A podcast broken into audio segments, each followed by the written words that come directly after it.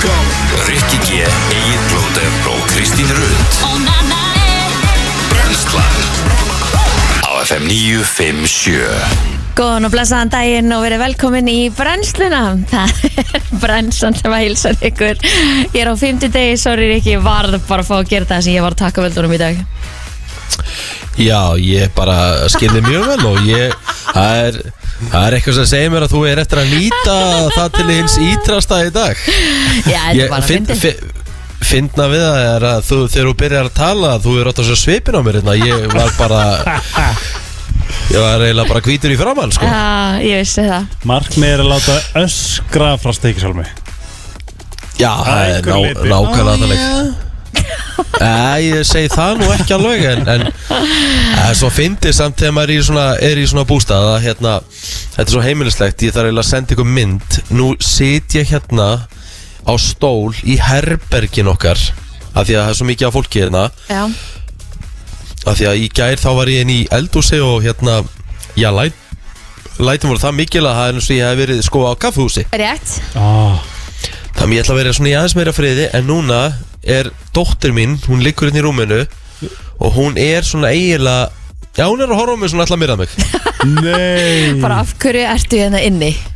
Og hún er náttúrulega sofandi sko En Og sko- ég verði eiginlega Það sem Verðilega kom- sendi komment Mér eiginlega mest óvart er sko að fólkið sem er með þér í bústanum hafið mitt ekki bara verið að sofa til tíu í ger Nei, sko, maður sefur alltaf minna í bústað Er það ekki það?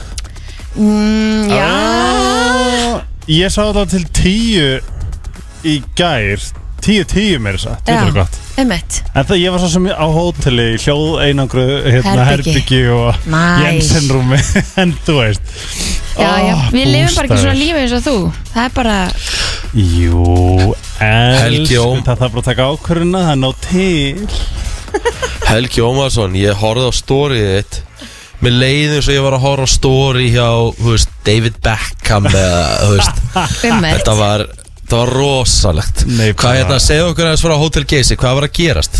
Sko, ég var í myndatöku uh, Ég var annað að segja nei við myndatökum yfir höfuð.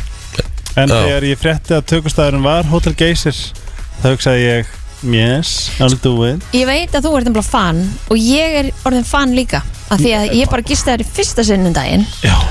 Og ég er fan.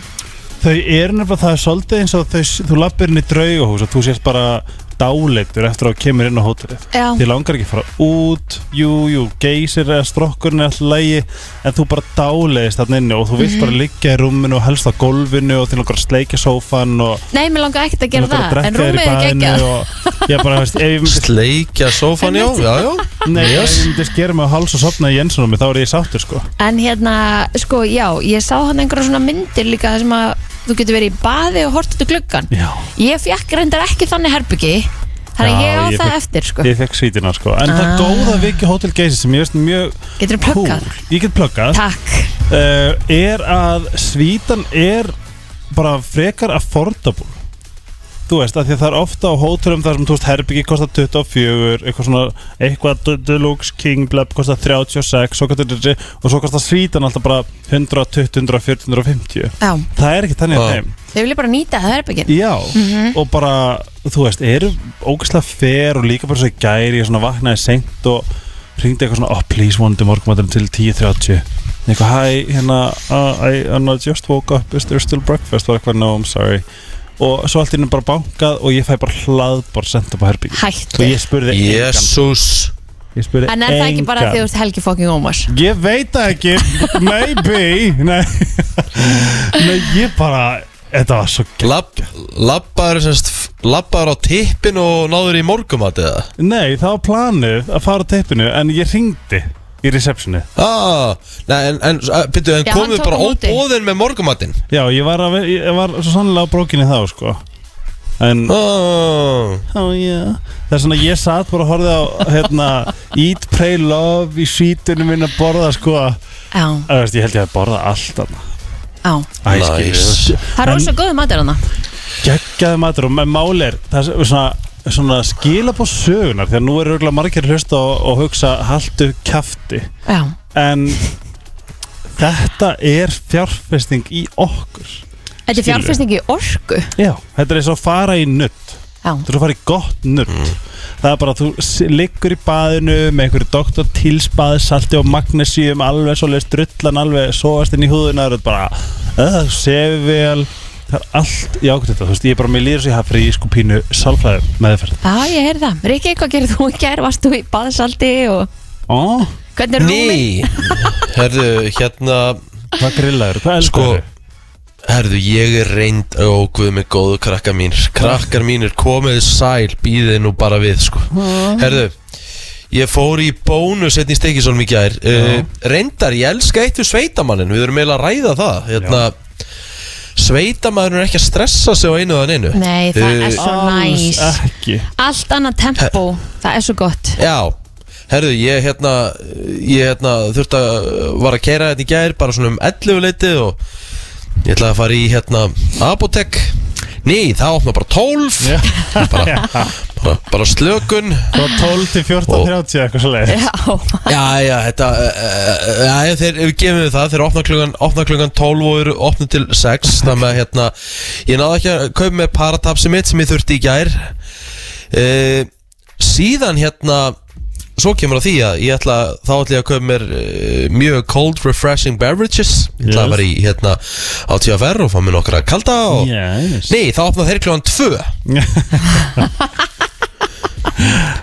Það með að hérna Ég, elska cozy heitin í sveitinni. Það er enginn Já. að stressa sig á opnunum og svona. Ég sverða að ríkja og segja svo er opið frá 14 til 15 eða 14 til klukkutíma. 16 eitthvað? Já, já, já Hvað er þetta happy hour eða? Já, sko Emmett. tæplur happy hour.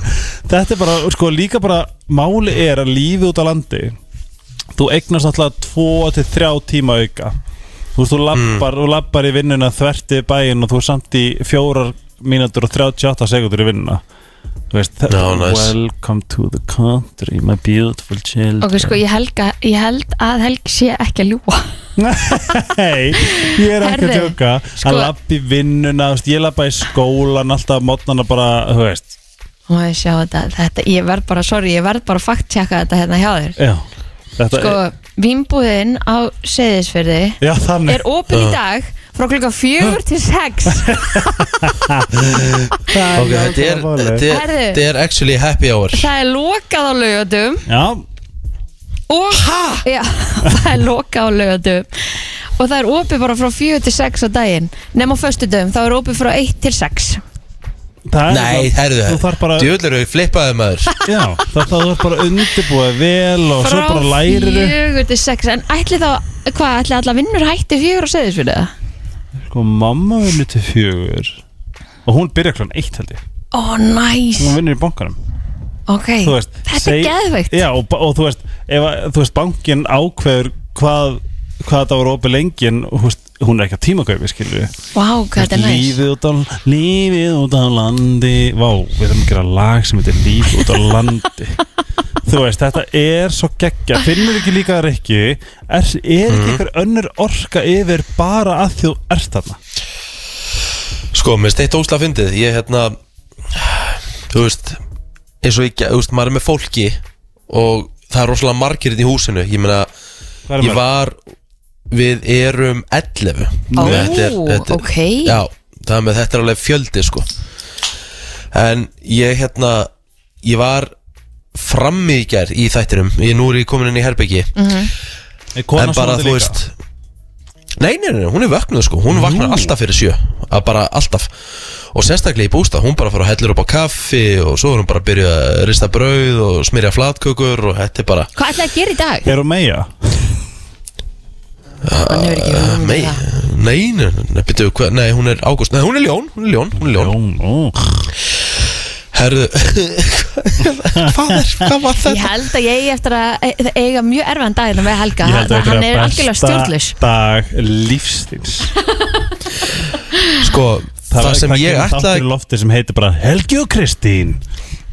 Sjá hann meira sér að Ég fara var að taka mjög- fram á þér Ég var mjög peppaður Ég ætlaði að fyrir í golf í dag En nú er ég að horfa út Það er grátt Og það er ekki, og það er ekki að vera Já, Nei. það Því að uh, Það er búið að snjóa Ég hérna Ha? kveikti á story á hérna að gleinu sinni í morgun og hérna Já. klukkan 6 og þá var hann sem sagt að sína frá því að það var bara allt hvítt hérna Nei. í efri byggðum Jú. Nei, ha, býttu, wow, wow, Er það wow, wow, grínast wow. eða? Nei, Númer eitt, er snjór á stíksalvi?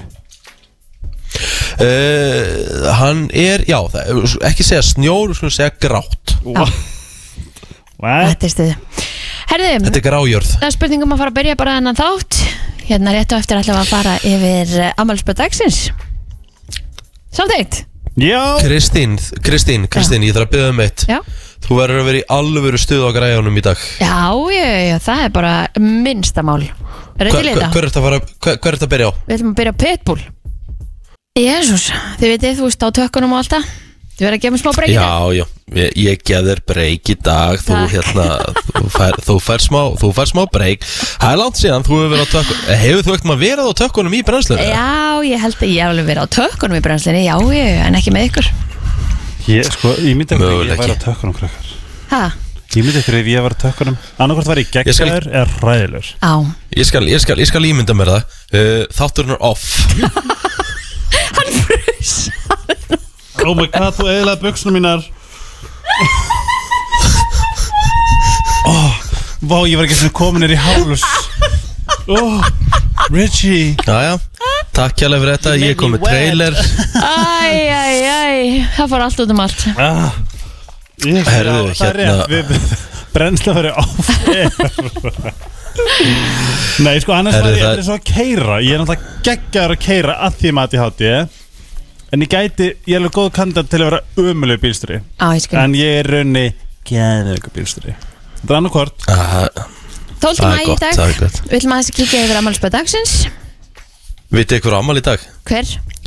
Nú ætla ég að segja, þið með ekki googla þetta eða neitt Vitið ykkur Jason Biggs er? Já, er það grínast Má ég, Leikari. má ég segja Og, eitthvað? Já, endilega. American Pie hann, Já, Maðurinn sem reið amerískri böku. Já, það var akkurat gæinn. Já. He, he, he will always be the guy who fucked the pie. Yes, he did. Æ, pælið í því. Hefur þú Nei, tjó Nei, Ok, ég hef það- ekki það- gert það Helgi. Fyrir, fyrir klukkan átta ætla ég að vera chill. Sko, málið er það, hérna Og greiði maðurinn Hann hefur meira þess að sagt að sjálfur í viðtali Að eftir, sko, þessi hlutverk Já. Hann var líka alltaf í svona hlutverkum Og fekk nokkur hlutverk eftir þetta. -hmm. Hann náði aldrei að vera tekin alvarlega. Nei. Það er alveg rétt Þú veist, Já, hann, hann hérna Hann lék í, horfðu á þátt Þættina hérna, hvað hérna konu black. Já, já, hann lék í því til þess að byrja með. En þú veist Hann saði í viðtalið svona Mér leið svona eins og ég væri ekki Svona nánast eins og ég væri ekki velkomin hana Æ, elsku.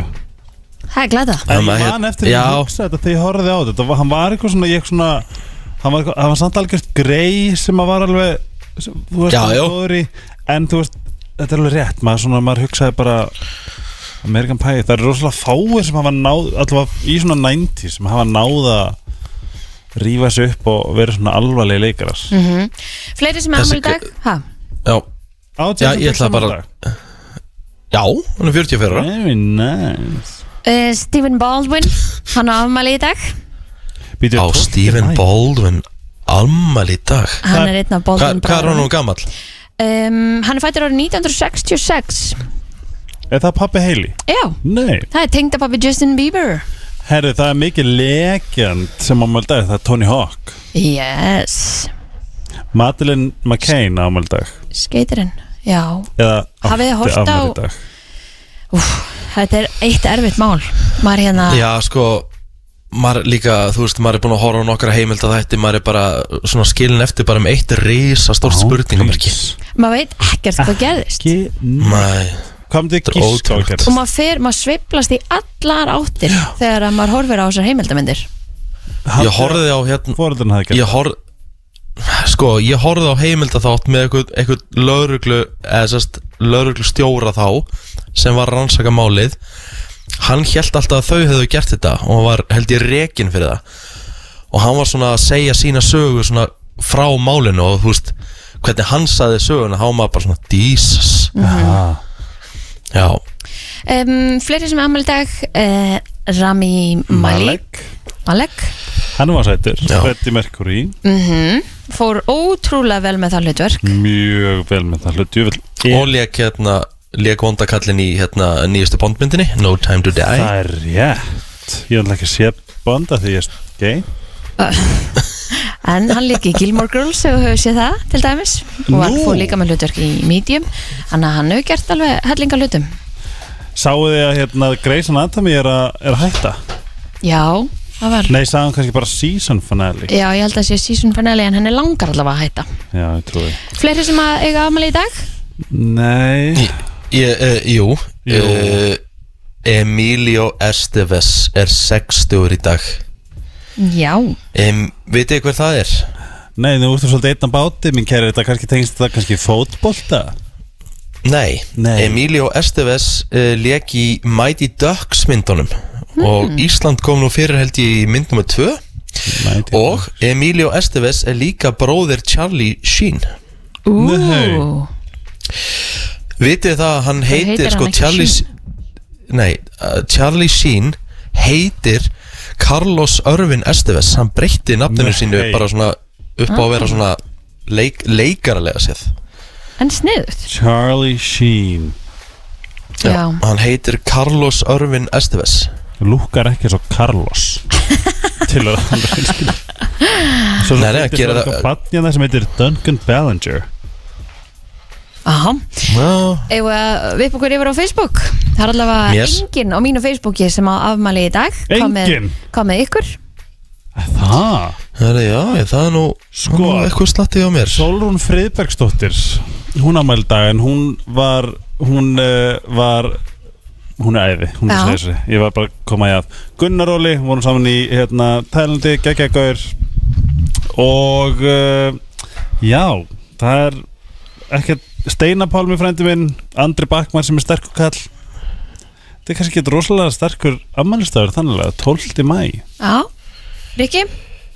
Uh, já, Bósi Hafsteins mikill eh, vikingur, hann er 47 ára gammal í dag. Benedikt Gretarsson 51 ás Já, þá Já. er það ég, Nei, herru, Sveitn Aron Guðjónsson. Ok, Hann á ámæli í dag, 24 ára. Þannig að þá er það upptali hjá mér herðu, fyrir maður í söguna en uh, Rikki hefði átt að halda upp á þennan dag í dag eða kannski allar hann að reyna það svona með við veður. En það var þessum dagur 1935 sem að fyrsti golfvöllurinn á Íslandi var víður og það er í Laugadalnum Heldur að sé ekki Var flott gol- Var golfvöllur í laugadal mm Akkur vissi ég þetta ekki? Já, Já, nú veistu það, lærið þér eitthvað nýtt já í dag? ég veit það. Já, Já, já. Þú kannski ferð Ah, og kannar þetta Róald Amundsen, er þið búin að horfa á það? Þannig að hjá veru?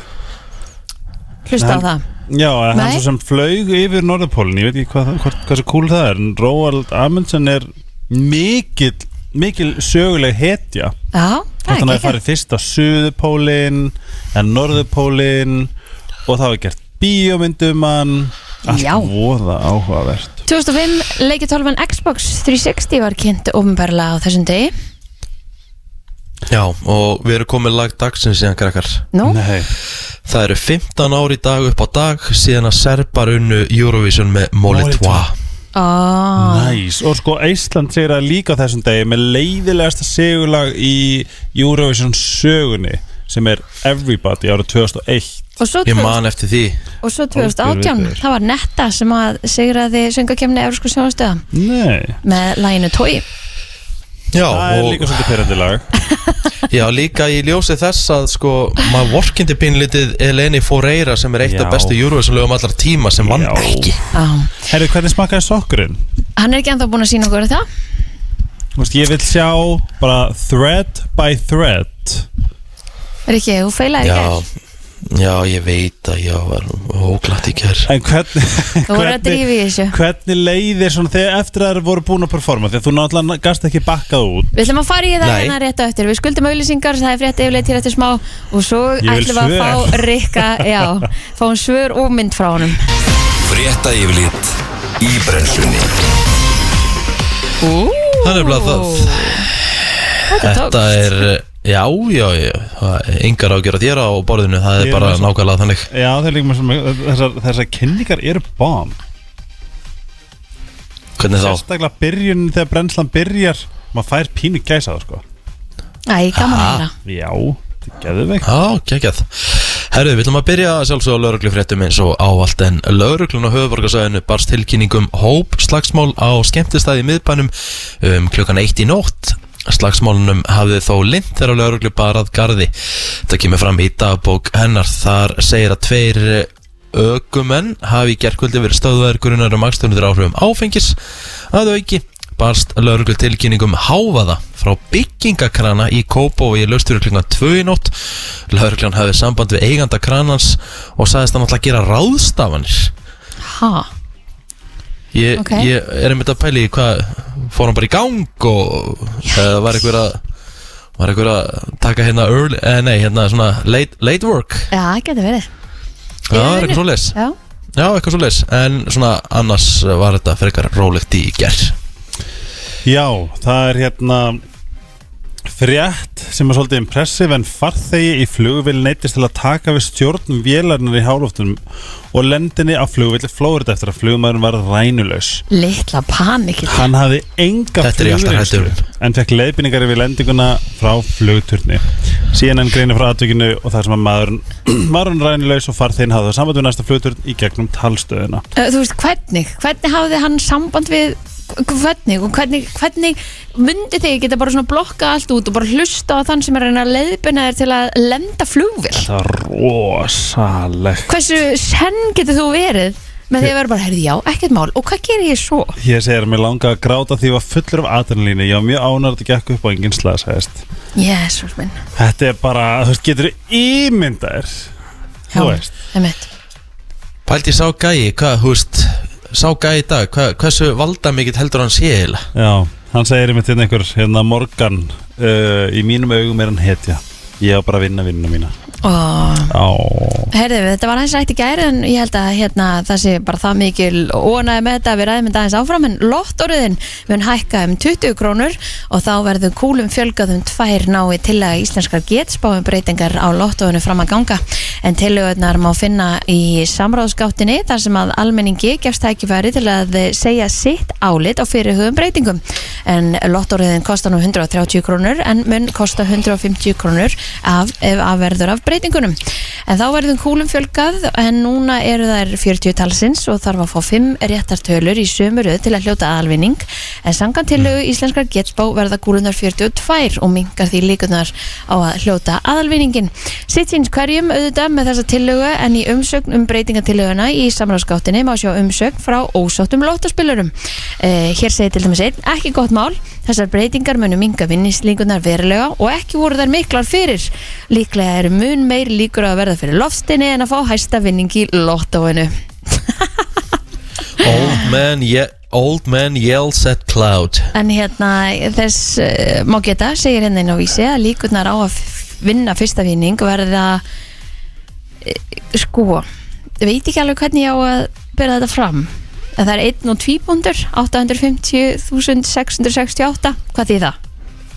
Það er bara einn á móti 850.000 Takk. sem þú, þú getur unnið fyrsta vinning. Á, það er ekki mikla Það líkur. er hel, það- það eru helvitið litla líkur en ég meina, en þó líkur. Og samkvæmt einfaldri leit á netinu hérna sem við vísir heldur fram eru líkunar á því að verða fyrir loftsteini einar á móti 840.000 þannig að það er líklara að verða fyrir loftsteini heldur en að vinna lottói hérna á Íslandi. Ha, Ok, þetta er reyndar Þetta er alveg go- gott komment hjá gæjanum Því að hann var með þetta rétt. Já, bara pælið í því. Ha, En pældi hvað þetta er pæl, En það er fólk sem hefur unni lott og það er það sem ég er að spara. Ég veit það og það gefur mann alltaf sjensin og maður hugsa samt alltaf að maður kaupi lottó bara, herri, ég er aldrei að fara að vinna okkur er ég að eða pinningunum mínum í þetta? Já, pínu. Er þetta er international eða ekki? Þetta er væntalega nei, þetta er íslensku lottóið, Nei, þetta er íslenska. Það hlýtur að vera meiri líkur að vinna íslenska lottóið. Kannilega ekki.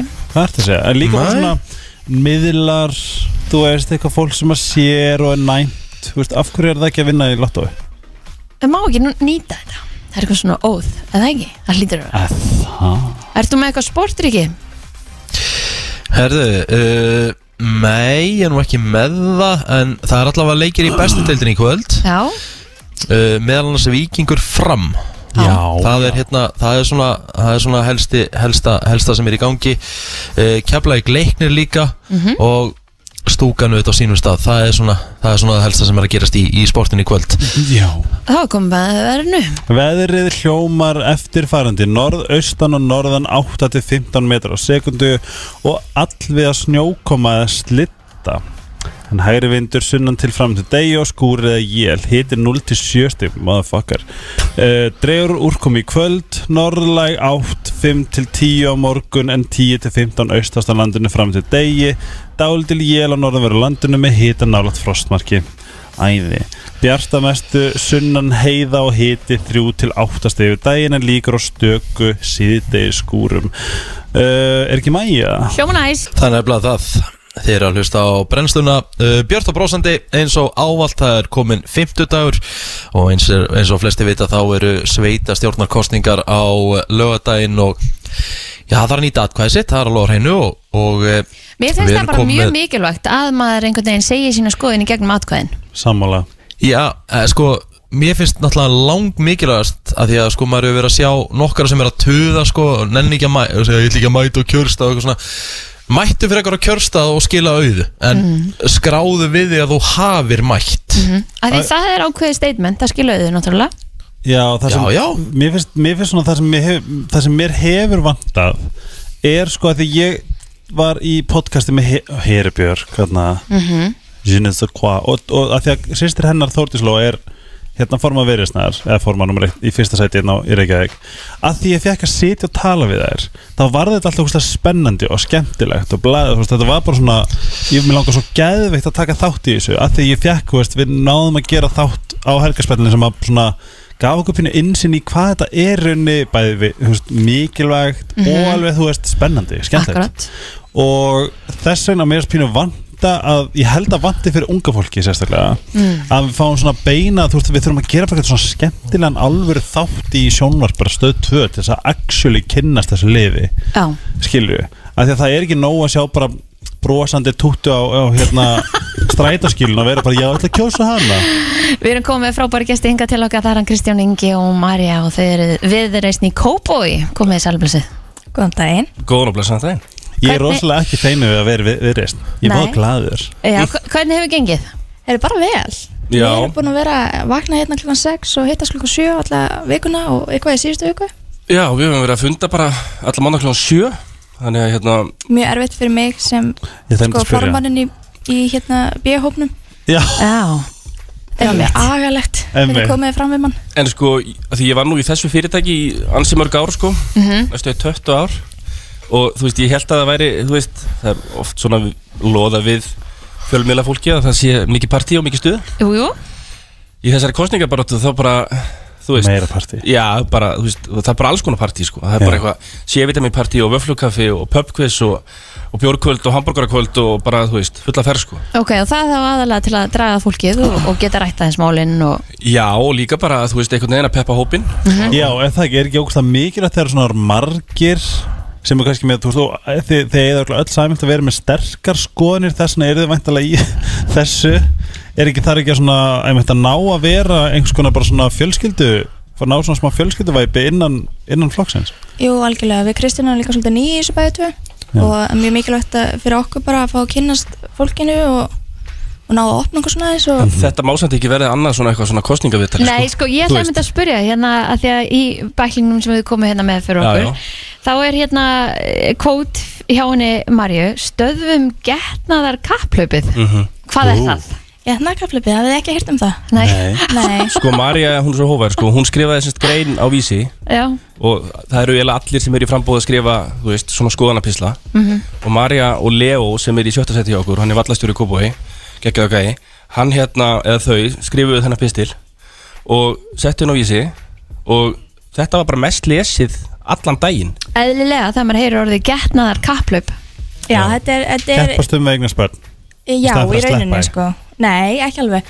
Máli er nefnilega sko, ég er 26 ára og Leo er, ég man ekki hvernig fættur hann aðeins eldri en ég. Mhm. og hérna við sagt, höfum bæði orðið svolítið vör við umræðu í okkar nánast umhverfi um að það er best að eignast börn í mars og apríl. Ó, Ha? ok. Og það þýðir sko að getnaðurinn þarf að eiga sér stað í, í svona júni-júli Ok, um sumarið. Síðu sumar svona um þetta leiti sko. Við erum alveg að detta í vertíð núna sko. En þú talaður um bara, tvö, bara svo lóðari. tvö varptíma Já, þetta er í rauninu svona tvö vartímabil sem er náttúrulega eglust tímabil hvenna sem er, við getum bara búið til börn Áhugavert. mánuði, Já. Ykkur að fimm daga ah. getum alveg farið út í hvern líka mann líka að vilja sko. Ah, en hérna Kannski seinna. En Nei, máli er sem sagt að þegar barni fæðist í marsi april þá er einn stuttur tími á milli sem sagt loka fæðingarólu og þess að barn má vænta þess að fá leikskólapláss mm. og þú veist, maður hefur heyrt að hérna fullt af fólki sem eignast börn í desember og nóvember og enda bara í stökstu vandræðum og börn eru ekki komin inn á leikskóla fyrir 20 mánuða eða eitthvað svoleiðis. Mm -hmm. algast tvekjar aldrin Já, og ég meina fæðingarólu er bara 12 mánuðir. Já. Hva, og, og mikill skortur á hérna dagfóruldurum Hva, hvað á fólk að gera? Já, við endum náttúrulega bara launulegs heima. Mhm. eða virkja sko sumafrí hjá ömmu og afa og ömmu og afa og frængum og frændum og allt þetta sko. Mhm. þannig að þetta er svona svolítið það sem getnaði kaplið snýstum en þetta er allavega um, sko, ég spurði Leo hvort að hann hefði heyrt af þessu. Og hann alveg já, auðvitað. Bara, við verðum að skrifa grein um þetta. Aldrei heyrst þetta orð, en góð lýsing allavega. Og takk fyrir Ég útskýringuna myndi persónulega lát, ekki hafa neina varp Hvað sagður varptímabil, Vartímabil þetta er tenging við dýralífið. Og koma öllum stjörnumerkjum þau eru öll svo geggjöð ég myndi aldrei bara e, ef- pældi ég var bara til hrútar og naut þú veist, ef fólk er að fylgja þessu Það er er bara ræðilegt Ok. nei, ég segi þessu. En ég Svo er náttúrulega líka mikilvægt að áttu svo að því sko, börnin ger ekki alltaf búið undan sér. Og það er svolítið erfitt að búið til. Mhm. þannig að uh, þessi tveggja mánu gluggi, hann gengur ekkert upp fyrir alla sko. alla. Nei, ég meina margir af mínum bestu vinnum eru bara hardcore, bara svona slísaböld sko.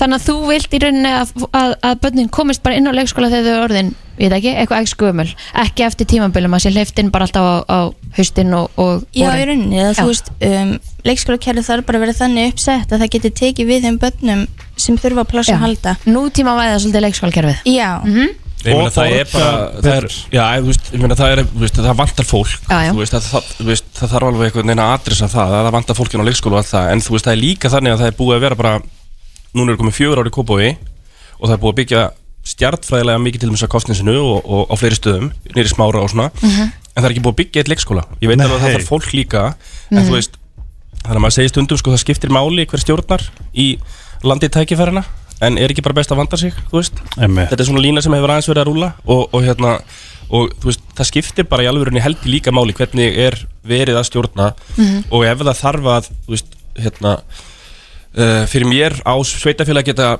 bara greitt niður sína skuldir og reikið sér eðlega en mér finnst rosa skrítið þegar sveitafélagi fyrir að skila þryggja miljardar hagnaði eða hvað það heitir. Emmett en það vantar uh, þú veist, það vantar hérna betra starfsumhverfi fyrir fólk sem er inn í skólunum og leikskólunum og allt þetta Einmitt. og það er ekki verið að byggja leikskóla en við skilum þryggja miljardar hagnaði geggjað áframgak Já, Emmett, hvað, hvað hefur að gera við hagnaðin ef íbúðan eru óanæður? Nei, Já. þú veist, og það er alltaf einhver sem er óanaður og það, mm Mhm. veist, en í Kópói hefur þetta verið rosa mikið einhvern veginn skipilagsmál og, og svo leikskólamál þú veist, það hefur verið svona Við erum alltaf með eitt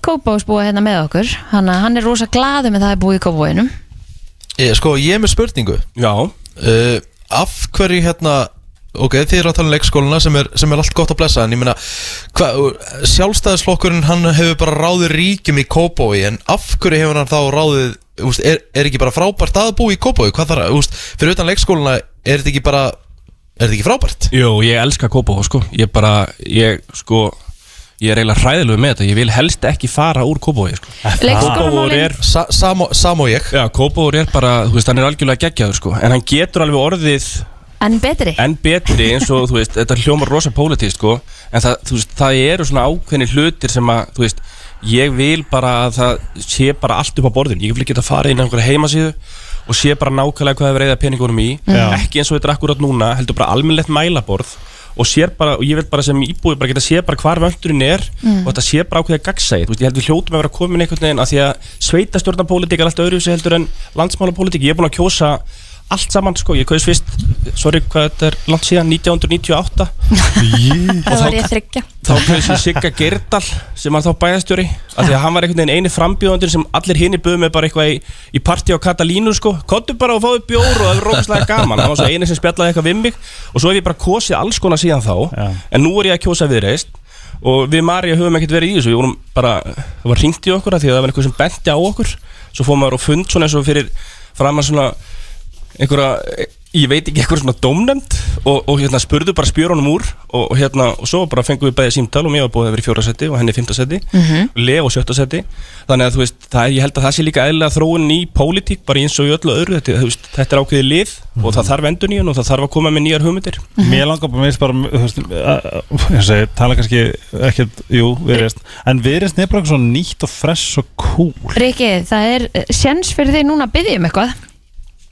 Hvað viltu í kópói? Já, sko Nó af hunda Er, mö, er, er, er, mö, er möguleiki þér að keira þarna í kringum uh, Hamraborgin og þar að fækka eitthvað af þessum hraðahindrunum, er það möguleiki? eða? Nei, ég, ég, hérna, ég bý sko rétt hjá Ærslabelgnum og það er svona tvisvar á dag Þetta er hérna rétt hjá Kópavóðskirkju og ég bara horfi út um eldurklukkan yfir þetta svæði og það er svona tvisvar á dag sem er næstíð búið að keira og krakka sem er geðið peppar að koma úr sundi Æjæj, og er að fara að hlaupa á Ærslabelgin og bílarnir koma, þú veist, á sko 80 eða eitthvað. Þannig að þú veist, sorry með hraðahindrannar Rikki, ég veit það, þetta fer ekki vel með demparun okkar. En- Já, fyrir ég er líka alveg innilega vör um mig þegar ég er að kera á þessu svæði. En ég, Korsusinni- ég vil ekki hafa, þú veist, háan hérna, hraða inn í þessum hverfum, sko, þú veist, það er bara, það er hérna, skilur þannig að, hérna, en, en ég er í þessu út frá eigin hagsmunum, sko, ah, ok. Ég er bara í eigin hagsmunapolítík, sko, ég er bara típiskur fjölskyldufæði með þrjú börn og, og feitan labrador.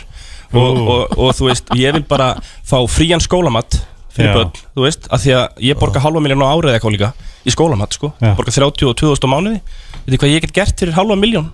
Já, En ég myndi nú bara bara í góð fyrsta lagi verið að bæta skólamat en hann lítur ekki sérstaklega vel út. Já, það er reynda að vera elda held í skólamatt í öllum skólum nema smáraskóla. Þú veist, það er verið elda á staðnum í Já, En þú veist, þetta er bara svona næsta skref í því held ég að, hérna, Og svo vil ég bara hækka ég með öll börnin mín í íþróttum Og, og hérna, eða tómstundum Ég vil bara hækka íþrótta og, semst, þann styrk upp í 80.000 Og svo spurði ég bara hana Theodóru sem er oddvitun okkar Ég segi, þetta, ég vil eiginlega gera þetta, hvað kostar þetta eiginlega? Þá er bara búið að rekna það út, það kostar einhver, einhverjar 120 til 130 miljónir þú veist, en hvað fáum við síðan tilbaka ef að það, við erum að að fá börn inn í tómstundir og íþróttir? Það er að nýta það af hagnaðinum. Já, og með skólamatinn að þá er hægt að bara innlega innköpastefnu þú veist, Kópásbær hefur ekki verið með almennilega innköpastefnu ef við viljum við bara náum að lækka kostnað við matarinköp um 10% þá erum við bara komið með kostnaðin við að láta held í fyrstu fjóra bekkina eða eitthvað að fá mat mm. skilur, þetta er líka spurning um einhvern veginn að hugsa þetta þú veist, út frá einhverjum svona þannig pælingum. Fólk kynnt sér ykkar málefni og ykkar tvö og, og það sem eru með ykkur í frambóði Herri, það er nú viðrist.is skástrík kópáður mm. þar getið þið lesið hérna stefnun okkar og, og meira um okkur. Og við hvetjum náttúrulega sjálfsögðu okkar hérna nágrannar og, aðra kópáðsbúa til þess að setja XVC á lögudaginn Já, en hérna um þig inn á viðreis.is kemur þar fram að þú sést mikill aðdáðandir Rikka G? Nei, það kemur ekki fram. Rikki, við vorum nefnilega að heyra stóra Ég- fréttir. Aha, Já, þetta er bomba sko. Já, Hún Marja hérna Eh, Marja. Ellen sem situr hér e, Já. er á leiðina að stopna aðdöndaklúpur Rikka G? Já við erum tvær. til, já. Við erum Aha. tvær Já, Þær eru tvær sem að eru staðfestar í klubnum já, Ég get alveg hendi í það líka sko, þú veist. Ég hef alltaf verið mikill aðdáðandur í Ég vil, ég vil koma inn Þú veist, já þetta verður einhvers konar við þurfum að finna félagaforma á þetta og eitt og annað. Marja er náttúrulega lögfræðingur sko. Já, ég hugsa, hugsa Pældi, pældi, hvað þetta er einf, pældi hvað þetta er einfalt. Hún, hún kemur bara með þessa bombu og hún er búin að snúa mér frá sjálfstæðasloknum og yfir í viðrist Nákvæmlega, nákvæmlega. Á, Og þetta er ekkert nýtt til sekundum komið sko. Eh, nei. Þetta er búið að vera alveg nokkur ár.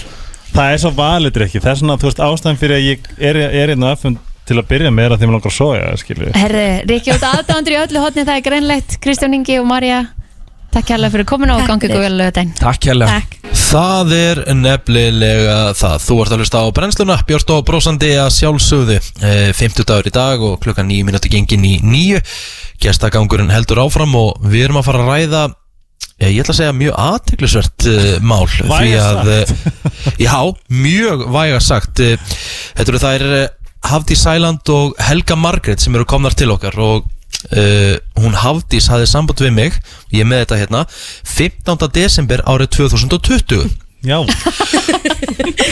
Ertu svona snöggur Það- að svara ekki?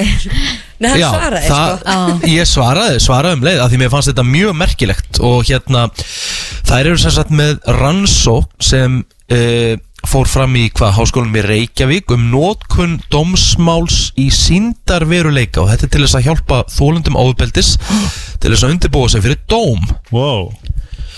Og ég sko uh, þið voru með sálfræðinga helg, eða sem sagt hafdís, þið voru með, þið voru með sálfræðinga til þess að hjálpa ykkur en síðan uh, þótti sálfræðingnum of snemt að koma þannig að þú kannski tekur okkur aðeins í gegnum hérna, þetta er búið að taka svolítið tíma Já, þetta er búið að taka, ef við byrjum sko á þessu voru 2019, eða veturinn 2019, þá byrjaði þetta bara sem lokaverkefni okkar í tölvunafræði, að því við vildum Já. gera eitthvað svona geggja flott lokaverkefni sem myndi bæta samfélagið og svo var náttúrulega síndaveruleiki ótrúlega cool, þannig að við vorum bara, herðu, við setjum þetta saman og við vildum gera eitthvað til að hjálpa lauruglunni og þannig við byrjum bara að fara að fund með þeim og þá kom þessi hugmynd að gera eitthvað til að hjálpa þólendum og þá ákvaðu við að búa til dómsal í síndaveruleika þannig að þau getur komið og svona undibúið sig og séð bara hvern, veist, hverjir sita hvar að því maður getur um eitt hérna bara svona rétt ímyndi sem það hvað þetta er yfirþyrmandi að mæta í dómsal Einmitt. Mhm. það, er, það er erfitt að mæta þetta til tannlæknis Já, Skilur. veist, mér finnst ekki að sama helgi Jú, skilur, en það er bara svona ef það er erfitt að færa mæta inn á tannlæknisstofu getur ímyndað hvernig er að Já. mæta í dómsal maður verður bara ekki og sko. eins og þú segir að því maður veit ekkit hver sittur hvar og, og, og hérna þetta er svona ákveðin formsatrið og eitthvað þannig að þetta er ábyggilega gott að geta nýtt sér þetta áður en maður fer inn Já, bara því ég kom hinga þá vissi ég ekki nákvæmlega hvert ég átti að fara og ég var bara, oh my god, hvert er ég að fara? Já, Já. það var stressandi. mm. og getur kannski bætt á stressið Mm En segðu okkur, þú veist, hvað svona var það sem dreif ykkur áfram í þetta verkefni? Hva, hver er kveikjan á þessu? mm, Já, Helga, viltu að segja? Sko já, og eins og hún saði það langa okkur að gera eitthvað svona eitthvað öðruvísi, eitthvað sem var í nýtsamlegt og við fengum bara svo ótrúlega góð viðbröð og það voru allir svo spennti fyrir þessu og sérf, allir sérfræðingar sem við töluðum við þannig að við bara, við vorum alveg staðrána í því að þetta myndi verða veruleika og þess vegna er búin að vera að halda, halda okkur svona gangandi þessi ár, bara við eins og þú varst að tala um að það var kannski full snemt að fara með þetta út af því að þetta er svo ótrúlega nýtt, þetta hefur ekki við hefum ekki fundið neinstæðar þetta hefur verið gert áður uh, að taka svona snúa snúa sér við að leifa að þannig þeir sem eru hinum megin við borðið það hefur verið að þjálfa lögfræðinga og þess áttar en þetta hefur aldrei gert áður þannig að við vildum vera alveg vissar um að við værum nú allavega ekki að gera eitthvað skada þannig, að allavega, þannig að við fórum í samstarf við Sálfræðidildina í Háskólanum Reykjavík og þeir eru búin að rannsaka þetta síðustu ár. Og núna er loksins getum við bara opna dyrnar. Hafa ykkur fengið, er búið að prófa þetta? Já, og er, hvernig umsögn fenguð eftir það? Eða hvernig upplöfun Bara- Já, mjög góða sko. Áður en að við fórum bara á fullt í að þróa þetta þá töluðum við fullt af sérfræðingum. Fórum og hittum, þú veist, Bjarkarlíð og Barnahús og lögfræðinga og lauruglufólk og dómara. Og þau bara, já, þú veist, þetta gæti alveg hjálpað, en ég held að þau hafa ekkert alveg nákvæmlega kannski átt að sjá því hversu langt við ætlum með þetta. Og svo þegar við vorum búin að þú veist, forrið þetta og búið þetta til þá fengum við þau öll til þess að koma í svona notendaprófin og þá voru þau bara eiginlega í smá sjokki hvað þetta var raunverulegt og hvað þau fengu, hvað þau voru skelkuð. Með þess að dómararnir sem kom að prófið voru bara, ok, vá, þetta er ótrúlega óþægilegt og þau vinna samt hana hvernig svona, þú veist, er þetta þjónusta er þetta, eru fyrirtæki sem að, sem að bjóða upp hvernig, hvernig virkar þetta að þessu leiti, svona praktísku leiti Já, ég vona bara að flest fyrirtæki sem að eru að, þú veist, með einhverja skjólstæðingar sem þurfa að fara fyrir dóm vilji gera samning við okkur en svo er þetta náttúrulega líka bara opið öllum sem vilja koma, geta bara haft samband við okkur. Mhm. og þeir eru það opnað þetta formlega í dag? Já, klukkan 5 það var opnun í grósku. Já, það? Allir velkomnir. Og verður þetta þar, verður aðstæðan þar í rauninni, Nei, við, uh, við fengum hérna aðstöðu hjá ríkislauruglustjóra og þetta byrjar þar og svo bara sjáum við hvert þetta tekur okkur. Mm Vá. er, hvar getur fólk eh, hérna séð þetta, kynnt sér þetta eða? Fyndið þetta. Sko við erum með heimasíðuna statum.is þar getið þið fengið betri upplýsingar um þetta og svo líka bara hægt samband við okkur. Mm ef það er eitthvað meira. Eh, verður þetta fyrir öll dómsmál eða bara einhver ákveðin? Við byrjum sko að hugsa þetta að þetta var bara lokverkefni í þrjá mánu þá byrjuðum við að hugsa þetta fyrir fólk sem er lengt í kynferðisofbeldi. Að því við vildum líka, þú veist, ef þetta virkar fyrir fólk sem hefur lengt í ofbeldi þá mun þetta líklega virka fyrir flesta. Uh, en þetta er að sjálfsögðu opið bara fyrir alla sem að þurfa að fara fyrir dóm. Og finna fyrir einhverju stressi eða óryggi mm -hmm. því að mæti í dómsal sem að allir held í er gera rétt sem er þið vinnið Innovator of the Year? Já, á, Vá, við vorum fengið velun fyrir frumkvöla ársins á öllum Norrlöndunum Vá, það er Það er alveg Vel gert. Vá, er, er þetta til Erlendis eða er þetta Mæ, sko ekki, ekki þessum búning. Það er alveg til dómsalir í sínduveruleika en það er yfirleitt hugsað fyrir þá lögfræðingana að undibúa sig fyrir dómsmál. En við vildum bara snúðu sig við. Já. þú veist, af hverju er ekki verið að þjálfa eða undibúa fólki sem þetta er mest stressandi fyrir Það er svo góðu punktur. Algjörlega. Að bara kasta þeim alltaf inn á dómsal og allir hinni fá hvað þjálfun og skólabækur og allt. Og þetta er líka svona Nordic Women in Tech Awards það er svona sexy. Sammála. Þú veist, ég, ég kann ekki að nota USB-kaup sko. En ég já. bara róti ykkur alveg gríðarlega mikið fyrir þetta og einmitt bara, þú veist mikið hjálp fyrir þólundar held ég. Já, herðu, innilega til betur. með þetta og gangi ykkur alveg ótrúlega vel. Takk fyrir. Það er nefnilega það. Eh, Það er komið að flottulega keppninni eins og áallt á 50 dögum Og eh, já, það er bara svona frjálst val í dag Þó að sé vissulega Eurovision vika. Við fórum að sé þetta á þriðjudaginn eh, En ég er aldrei að fara að tapa með þetta lag í dag ég er alltaf sko brjálari uh fíla þessi ekki í Eurovision þema. Þú getur valið Eurovision lag, það er ekkert Nei, mál ég vil að allir gera það því að Kristín er svo, va, er svo hefti í Eurovision og hún vill ekki gera hann mér Það er alveg rétt. Að Ég veit ekkert um Eurovision og þið tveir veitu ógeðslega mikið um Eurovision. Ég er Þannig að ég í ætti að- ekki breyk gefa þér eitt gott raskjall eftir. Ég, þú myndir fíla það samt, en ég minna þú veist pældi, pæl, pældi þú veist, eins, og, eins, og, eins, og, eins, og, eins og Helgi. Þú veist, hann kemst upp með þetta. Þú veist, ef ég myndi segja þetta þá veist, það er bara cancel á stundinni sko. mannustjóri myndi vera mjög snöggur að ringi þig Nei, nei, Kristín Já. er svo til í þetta Ég veit ekki Herðu, hérna allir á fréttastofunum með raskjallum upp frá, sko Ég hérna veit ekkert hvað þessi bett er Þannig að við ætlum bara að byrja, eða ekki? Já, Já. byrjum þetta bara Ég skal bara, ég skal bara byrja þetta Ok. ég, skal, hérna, ég skal henda mér á stað uh, Ég er búinn að spila þetta lag uh, Ég kom í sumabústæðin hérna í Hólmunum uh, Fagra. Uh, Ég kom hérna á þriðudaginn Og ég er búinn að Það var, það var spurt mig í gær hvort það væri eitthvað að mér Af því að ég held ég sé búinn að spila þetta lag svona 20 sinnum minna Er það að reyna að prenta þetta inn í þig eitthvað svoleiðis að?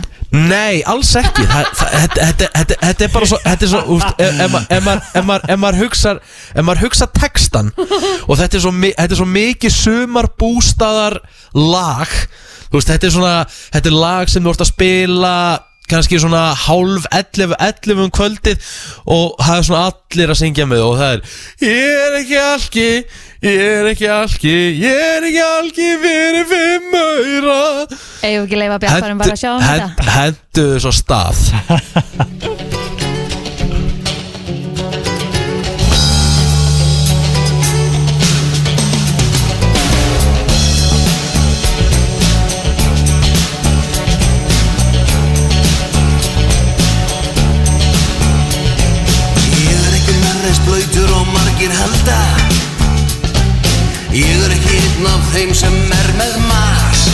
Já, þetta er framlag hans Rikka í flottulega kefni í dag. Rosalega flott lag hjá þér ekki Ég er alveg í King, King, Bjartmar Guðlaugs Ég er ekki alki, takk. Já. Þetta er, þetta er, já, ég hef endur átt að byrja á öðrum stað En það er bara fyrir fólk að kjósa og heyra restina. Ég er bara Akkur fór ég að tala um svo Akkur fór, akkur fór ég að tala um svo helgi þarna? Ég veit það ekki, en Já, Helgi er það var næstur með sitt lag. Bara dilla sér rassinn og hafa já, já. Já, já, hvað lag ætla þú að taka? Ég er að googla hana gaur Hvaða lag vilt þú taka? Herðu, ég ætla bara að fara í laglagana Ok. Lag sem að við öll þekkjum með þú ert uh, fætt Hvað er að segja, 90 og- Nei, nei, 80 Þrjú. okkar líka Nei, Já, þú og veist upp Já, Já, En uh, algjörlega við erum að um er að ræða hér legendýriska lag eftir skítamál sem heitir Ertu þá farin? Andskotinn. Svo góð Ertu þá farinn frá mér? Hvar ertu núna? Hvert liggur mín leið?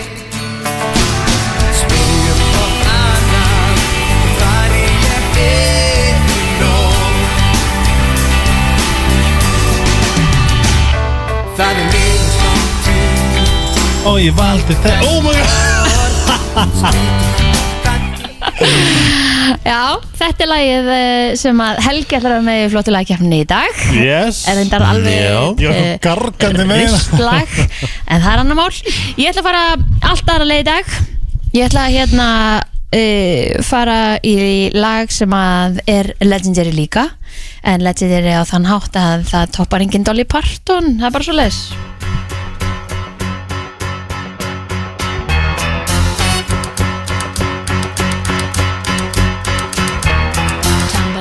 bed and I stumble to the kitchen. Pour myself a cup of ambition and yawn and stretch and try to come to life.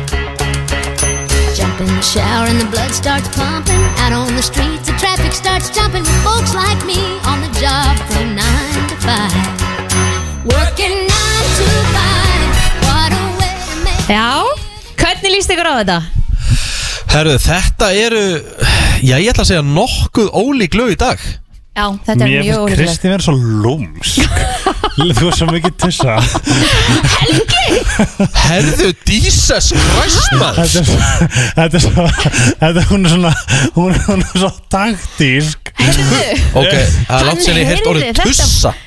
vitið Ég er bara miðið mínu Nei, ég er að tala þetta, var- Þú er svona taktísk tussa Ég ætla ekki að ræða Taktísk. þetta Nei, við skulum ræða þetta bara eftir. Herðu, hérna, uh, fara aðeins yfir þetta. Ég er með uh, Bjartmar Guðlaus Ég er ekki alki Helgi, uh, Skítamorall Farin Kristín Dolly Parton 9-5 Eða að taka hérna Eða að taka síman Já, FN, góðan dag. Það er náttúrulega Richard Boy. What the f... Thank you. Thank you kind sir Bara Takk fyrir. Jæja, Rikki allan kom er með að eitt hlusta á FM FN, góðan dag. Kristín tekur þetta. Já, takk að nákvæmlega, fyrir. skilur Já, já, já, já, já. Herðu, takk kella fyrir þetta. FN, góðan dag.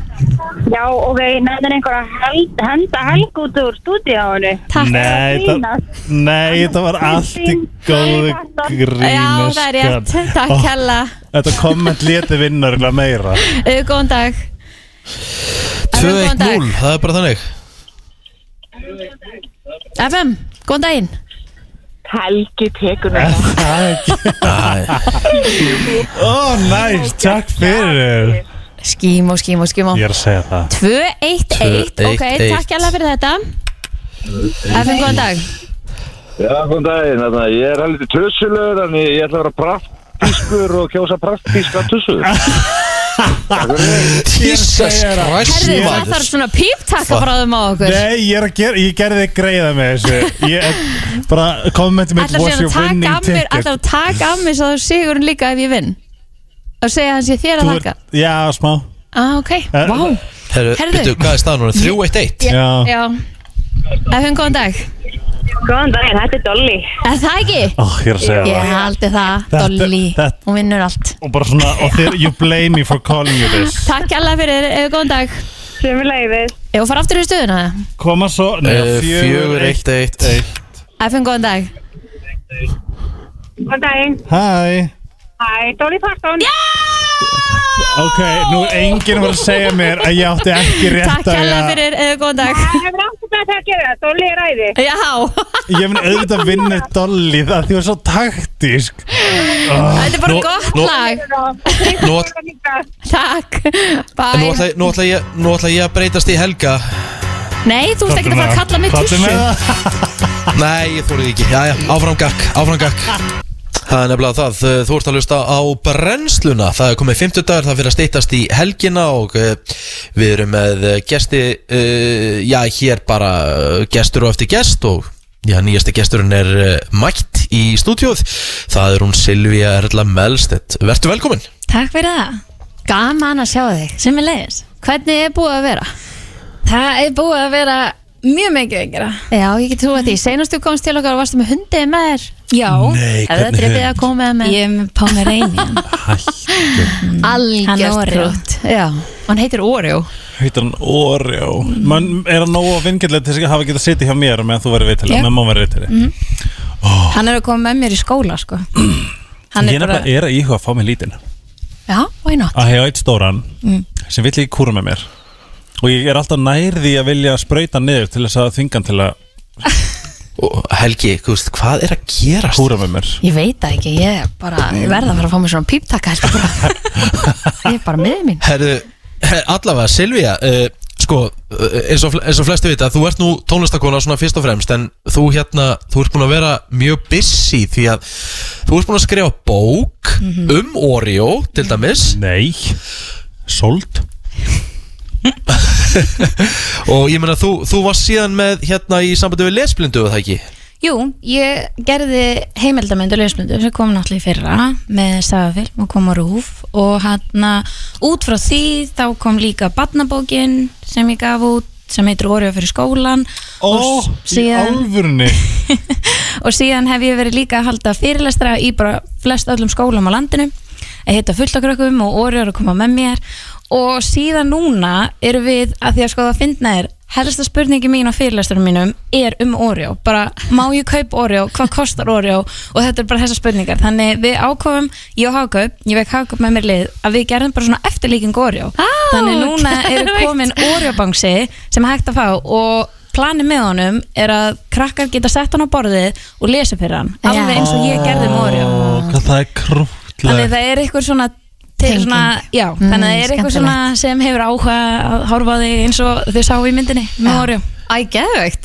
Þannig að það Báka mjög þetta gaman. skilur mikið eftir sig. Það er greinlegt Til Já, að með það. Takk fyrir. Síðan, En- en síðan erum við reynda líka ef ég bæti því, já, því ég hef ekki talað um þetta en ég má opna á þetta núna. Ég er að fara núna með Hagaup og MBL sem kemur í september í svolítið skemmtilega herferð. Þetta heitir skipulags átak Ú, þetta að- skvíla Við erum að Love fara að búa til bók sem við ætlum að gefa öllum krökkum í hann á aldrinum svona, hvað erum við með? 5 til 8, 9 og síðan er keppnum til skóla. Hvað Ok. skóli skiplaðist þér Nei, yes. vá en Ó, gaman. Og það. þá er þetta bara að skipulegja hvað heimanám eða? Þetta er eiginlega átak sem er að krakkar geta skipulag sig bæði með hvað þau ætla að lesa og hvort þau ætla að læra og líka bara að reyfa sig, borða hotlar, hjálpa til heima, hrósa sjálfum sér, Já. allir þessi hlutir og þau geta fengið stig fyrir þetta og þetta eru svona limmeðar sem þau setja inn og síðan er bara keppna með skóla, hvað skóli er skipulagt skóla Vá, hvað þetta er krútlegt Já. Er, er, er sérst að borga leigu? Þetta er svo gott business move Hund og bara markasetjan og hann, Hann er á vörumerki, sko. Það er, ég er sko mér langað að gera þetta með Nóel líka. Þeir geta kannski verið vinnir, stjórnuvinnir Nefnum Nóel er ómíl prins til svona að vinna. En Silvía, þú hérna uh, eins og ég segi, það er nóg að gera hjá þér en fyrst og fremst, þá ertu náttúrulega þú ert náttúrulega sönguna og tónlistakona Þetta er líka tónlistakona, fuck you Helgi, þú ert á, Christ. bara á eldi hérna í dag, jésus minn En þú ert sagt búin að vera að nýta tíma núna að vinna þessa músík að Því að þú lagði það aðeins á hilluna svona meðan þú varst að, að sinna öllum þessum verkefnum. Já, það er náttúrulega, maður getur ekki gert allt í einu og mér langar að gera hlutina vel. En ég hef verið að vinna í tónlist ég er bara ekki að gefa hana út. Þannig ég er með fullta efni sem Nice. á eftir að koma út núna. Þannig þetta er fyrsta skrif og núna loksins hef ég tíma til þess að fara bara fullaferði í þetta og ég get ekki beðið. Og þetta er einmitt svo að fyndi nú er ég búin að vera upp á sviði að halda fyrirlestra og mér langar svo að byrja að syngja Já. þannig ég finn bara, ég er bara að deyja hvað mér langar að fara að syngja Og hvernig músík er á, á leiðinni frá þér? Er, er, er, er þetta á íslensku, er þetta á ennsku? Er þetta, þetta er bæði á íslensku og ennsku þú búin að vera að semja sjálf? Já, ég er að semja með Áskeri Mhm. og síðan er ég búin að semja með Bjarka og svona Vá, þetta verður átó Og hvenær ertu að fara svona full force núna? mm. Gæðvegt, hvenær hefur við vona á no af tónlist? Bara út árið eða? Já, Gæðvegt kannski verður þetta bara mánaðarlega. Hvernig væri það? Ha? Já, Pæli hvað það verður, það verður gott markasetningar dæmi Lagmánarins eins með Silvíu Það verður enda geggjað. En þú ert komin í Se, gæti se, Hvað segir þau? Segðu okkur aðeins frá nýja læginu, Silvía Já hann þetta lag, mér þykir svo ótrúlega vænt um þetta af því að við erum búin að vera, ég og Ásker erum, við erum búin að vinna í þessu í þrjú ár sko. Þannig ég er mjög spennt að þetta fá að koma út og allir fá að heyra þetta en lagi heitir Down Together og þetta er eiginlega svona um ástasamband þar sem fólk elskar hvort annað svo ótrúlega mikið en fólki í kringu þau vilja ekki að séu saman. Þannig þau eru samt að berjast við að vera saman en samt mótlæti frá öllum öðrum. Þannig þetta er svona svo Róma og Júlia þannig dæmi. En þetta er svona ótrúlega mikil ást samt að þau vilja frekar bara falla saman Er heldur þetta en frá, að er þetta frá fara. personal experience? Nei, reyndar ekki en hann, ég veit ekki, ég er náttúrulega búin að vera með kæristunum mínum ótrúlega lengi. Já, þannig að það getur verið bara við byrjum bara ungskili en nei, þetta er kannski ekki þannig. En ég skil ástina, svona mikla ást. En ég verð að spyrja, hvað stjörnum ekki ertu? Er þetta hrútur? nei, ég er fiskur. Að það, ég elska fiska. Takk. Rikki fiskur. Ég þess vegna elska ég Rikka. Já, þess vegna, já, já, þess vegna er ég svona skotin í honum. Herði, eigum við ekki bara að setja lagi í gang? Viltu ekki bara kynna það fyrir stundum? Jú, takk fyrir. Þetta er nýja lagi mitt, Down Together Það er nefnilega það. Kristín, hún kann að velja lögin. Lucky með Britney Spears en Eðlilega gott lag. Hafið þið séð hérna Hafið þið séð fítið hjá Britney bara upp á síkastið á Insta? Já, hún er bara að sæta píkunni. Já, en svona, þú veist ekki, Það er ég ekki, Já, en sko Ég er svona að velta í fyrir mér veist, Þetta er kannski hot take En var kannski síðan rík og gildilega ástæða fyrir því að Það var eitthvað með forræð yfir henni eða? mm, Sko, hún postaði aftur í gær. Já, já, hún er búin að posta bara Þú veist, ég er bara Aldrei sé svona, sko. Ég, einhvern veginn, sko, ég er náttúrulega rosalega mikið bara free the, free the nipple og free the puss, sko, ef þú vilt það. Skilur þau? Já, já. Æ, veistu hvað við Já, já Já, já, þetta er bara erfitt fyrir mig að taka þátt í þessu sko húst, Þessum samræðum sko. Já, ég er bara einhvern veginn, ég, ég veit ekki af hverju, ég er bara eitthvað svona gett stoltur af henni og meist hún bara gett svona, en alltaf hún er alltaf, þú veist, hún er alltaf alveg pínu skrítin eins og þegar hún var að velta sér upp í sandin okkislega brunnin. Á, það er ekki gott. Nei, þetta var fyndið, við Ok, sko ég er ekki að fylgja henni á Instagram En ég er aðeins að skoða myndirna hérna Því þið fóruð að tala með það Ég, mér finnst þetta bara eitthvað body empowerment og dullo og hún bara lítur vel út og hún er komin á fínan aldur og ég er veginn bara svona, þú veist er þetta ekki bara svona, er hún ekki bara frekar mikill brautriðandi bara normalæsara bara, þú veist, að vera nakin? Já, Já, já, herðu, dóttur mín verið, hérna, hún er að leita ekkur hérna í herbyggi Já, já, það er búið að finna, hún er að leita ekkur sveppgrímu eða eitthvað, frábært Já, ég, en, manstu, ég ætla að fara í nektarmyndatöku þegar ég var komin í geggja form. Og þá ætla ég bara að vera á tippinu með bara eitthvað emoji fyrir penis. Þú veist. Vá, hvað þetta er, það er helgalegasta mynd sem ég veit um. Já, þú veist, er þið ekki, þú veist, ég held, að, ég held að ég myndi fá bara frábær, frábær, hérna, jú, viðbröð, alveg bara potið sko. Algjörlega skilur En og músikinn hennar mun alltaf koma til með að klassi Hvernig, hvað sem, hvað sem hún gerir svo sem á internetinu. Já, hún er Ah, Það verður alltaf en, þannig. en svona því að við erum alltaf, þú veist, að tala um hana þá las ég líka einhvers staðar að maðurinn sem hún er með Mhm. að þau eru núna sagt, að, að deila um kaupmáluna og hérna Hvað er það? hún, hún, þau eru að gera kaupmála sína á milli. Hvað þið það? kaupmáli, þegar þú er- þig, þú veist þá eru mínir peningar eru mínir peningar og þínir peningar eru þínir peningar eða við eigum allt saman eða eitthvað. Já, og lögfræðingarna, hún er, heldur sig vist alveg fyrir utan þetta því hún er, hérna, segir bara þú veist ég elskan og vill bara vera með honum og eitthvað. Eh, en lögfræðingarna hennar eru sérst á leiðinni svona, eða, þú veist, í eitthvað svona pínu hart við hennar mann að því að, að, því að þe- þeir vilja meina að hann sé að byggja um alltaf mikið að því hann er búin að setja upp eitthvað svona system, þú veist, við verðum gifti í þetta mörg ár þá fæ ég svona mikið penning og gifti í þetta mörg ár þá fæ ég svona mikið penning hann er alltaf hækkara eftir því sem að eins og hann segir þú veist, nenn að vera með henni basically ef eða, ég, fa- já, basically ef ég, ef ég höndla fangelsisvistina í tvö ár þá fæ ég þetta og svo fimm ár, þetta, þetta, þetta meikar engan sens. Ég hef Þetta er alveg bara eins og gæðin sé á leiðin í jailið sko. Já, ég hef alveg sett eða þá bara, ekki hann, sko. eða þá bara svona ok, ég þarf að þóla að vera með henni svona lengi Já, þá já, fæ ég svona mikið pening. Þetta já, já, þetta, þetta, þetta var svona eiginlega mitt point en þetta var hæðilega samlíking hjá mér en Rétt. ok, þetta var það sem ég ætlaði að reyna. Ég er ekki búin að setja lengi saman? Ég veit það ekki, ég þekki það bara ekki. Ég er bara, ég rakst á þessu frétt einhverstaðar sem að verið að hérna e, Það er rosalega Lýsa þessum, þessum hérna þessum deilum sem þau eru leiðin inn í núna en hún, eins og ég segi, hún bara hún vill ekki, vill ekki sjá þetta, hún bara lætur löffræðingan sjá um þetta.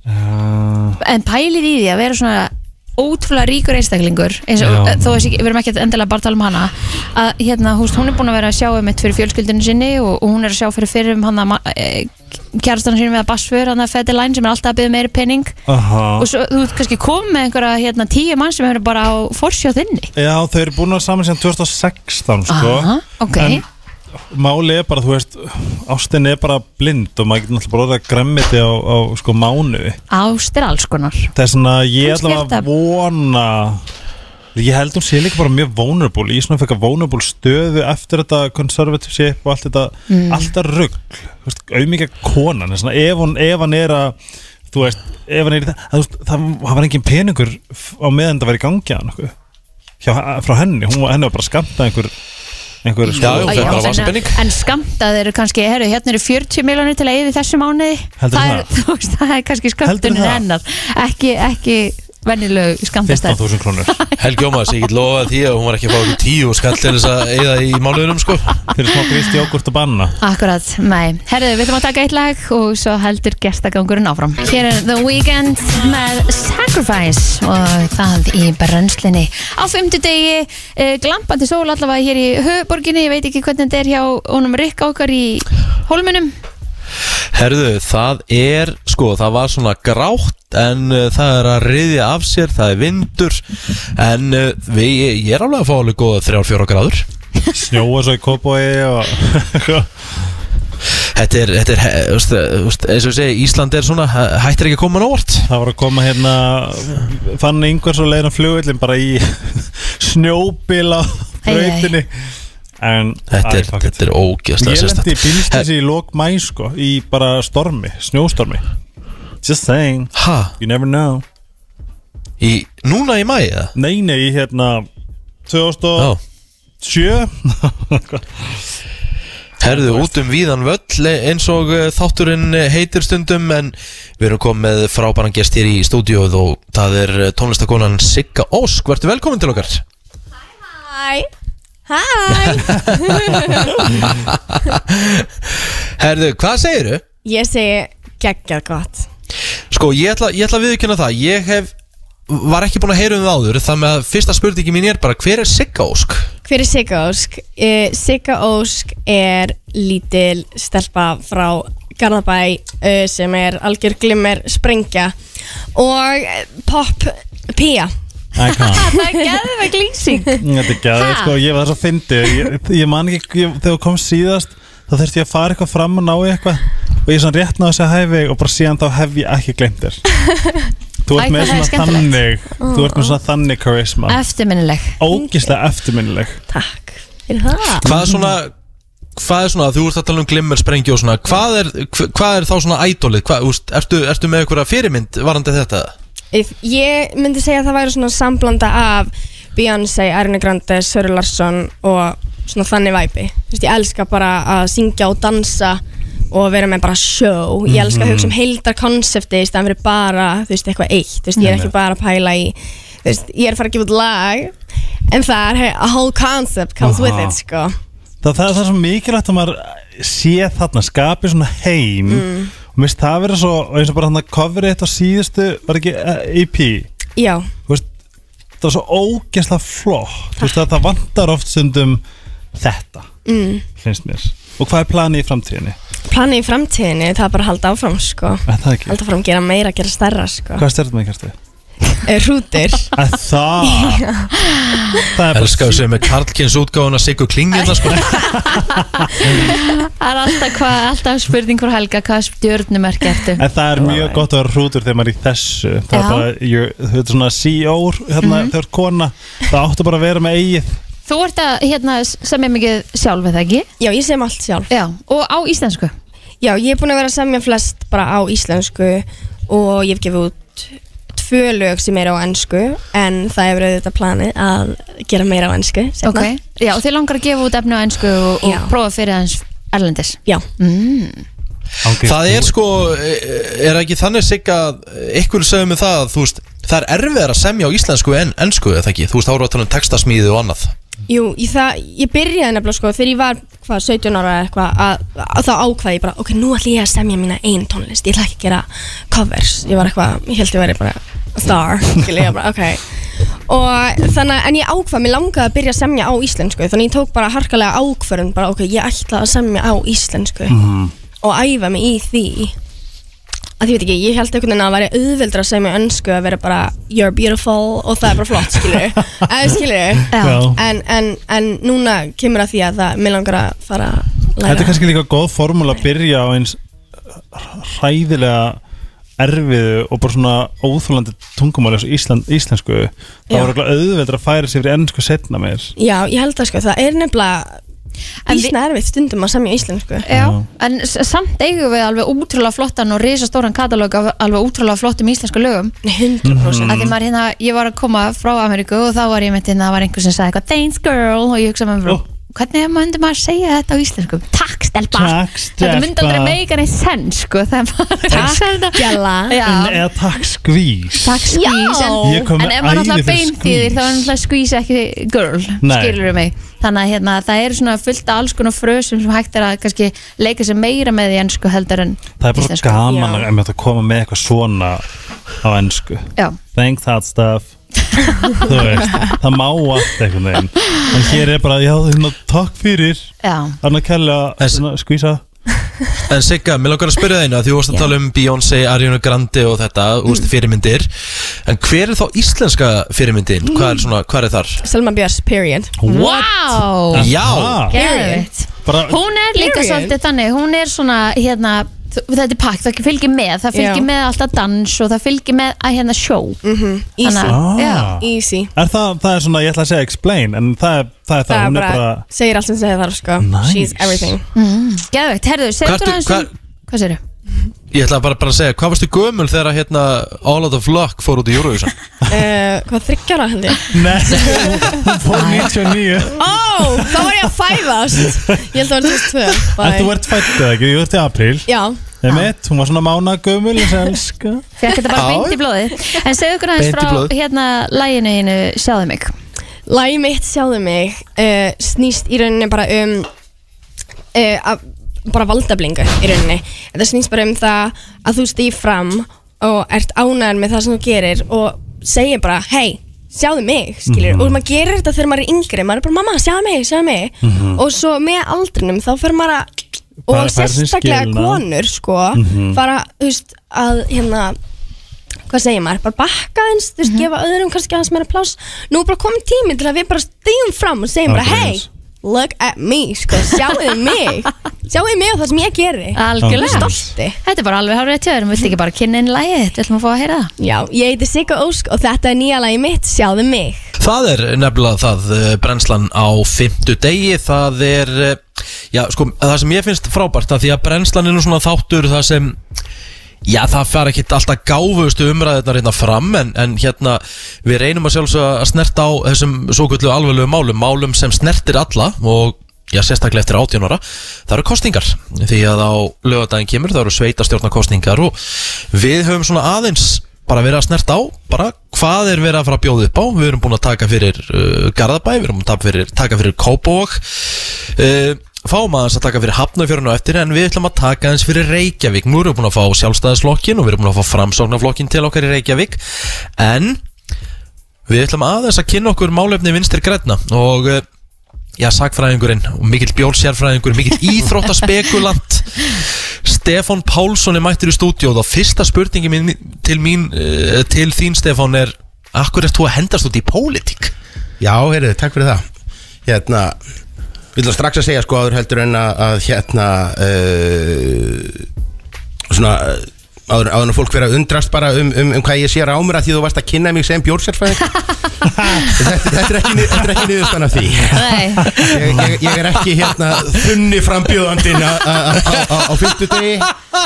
Ég er hins vegar sko ég, ég er sko nýstíin upp úr, úr, úr andstyggilegustu flensu sem ég hef fengið lengi þannig að sko ykkur finnst þið vera að tala við langleitan sko berglasjúkling en, en mér finnst ég geta hlaupið marathón sko Ah, já, með já. hvernig ég var í gær og ég fyrir þetta Heyrðu en já, eh, af hverju fer maður á, á gamalsaldri út í, í eh, pólitík, eða sem sagt í frambóð eh, sko ég er búin að, að eh, vera viðlóðandi í pólitík bara frá því ég var táningur. Og, og alltaf svona upplifa mig meira sem svona kannski bara baktjaldamannin og í, í svona í plottunum, í bakherbergjunum og stillandi upp á lista og einhvað slíkt.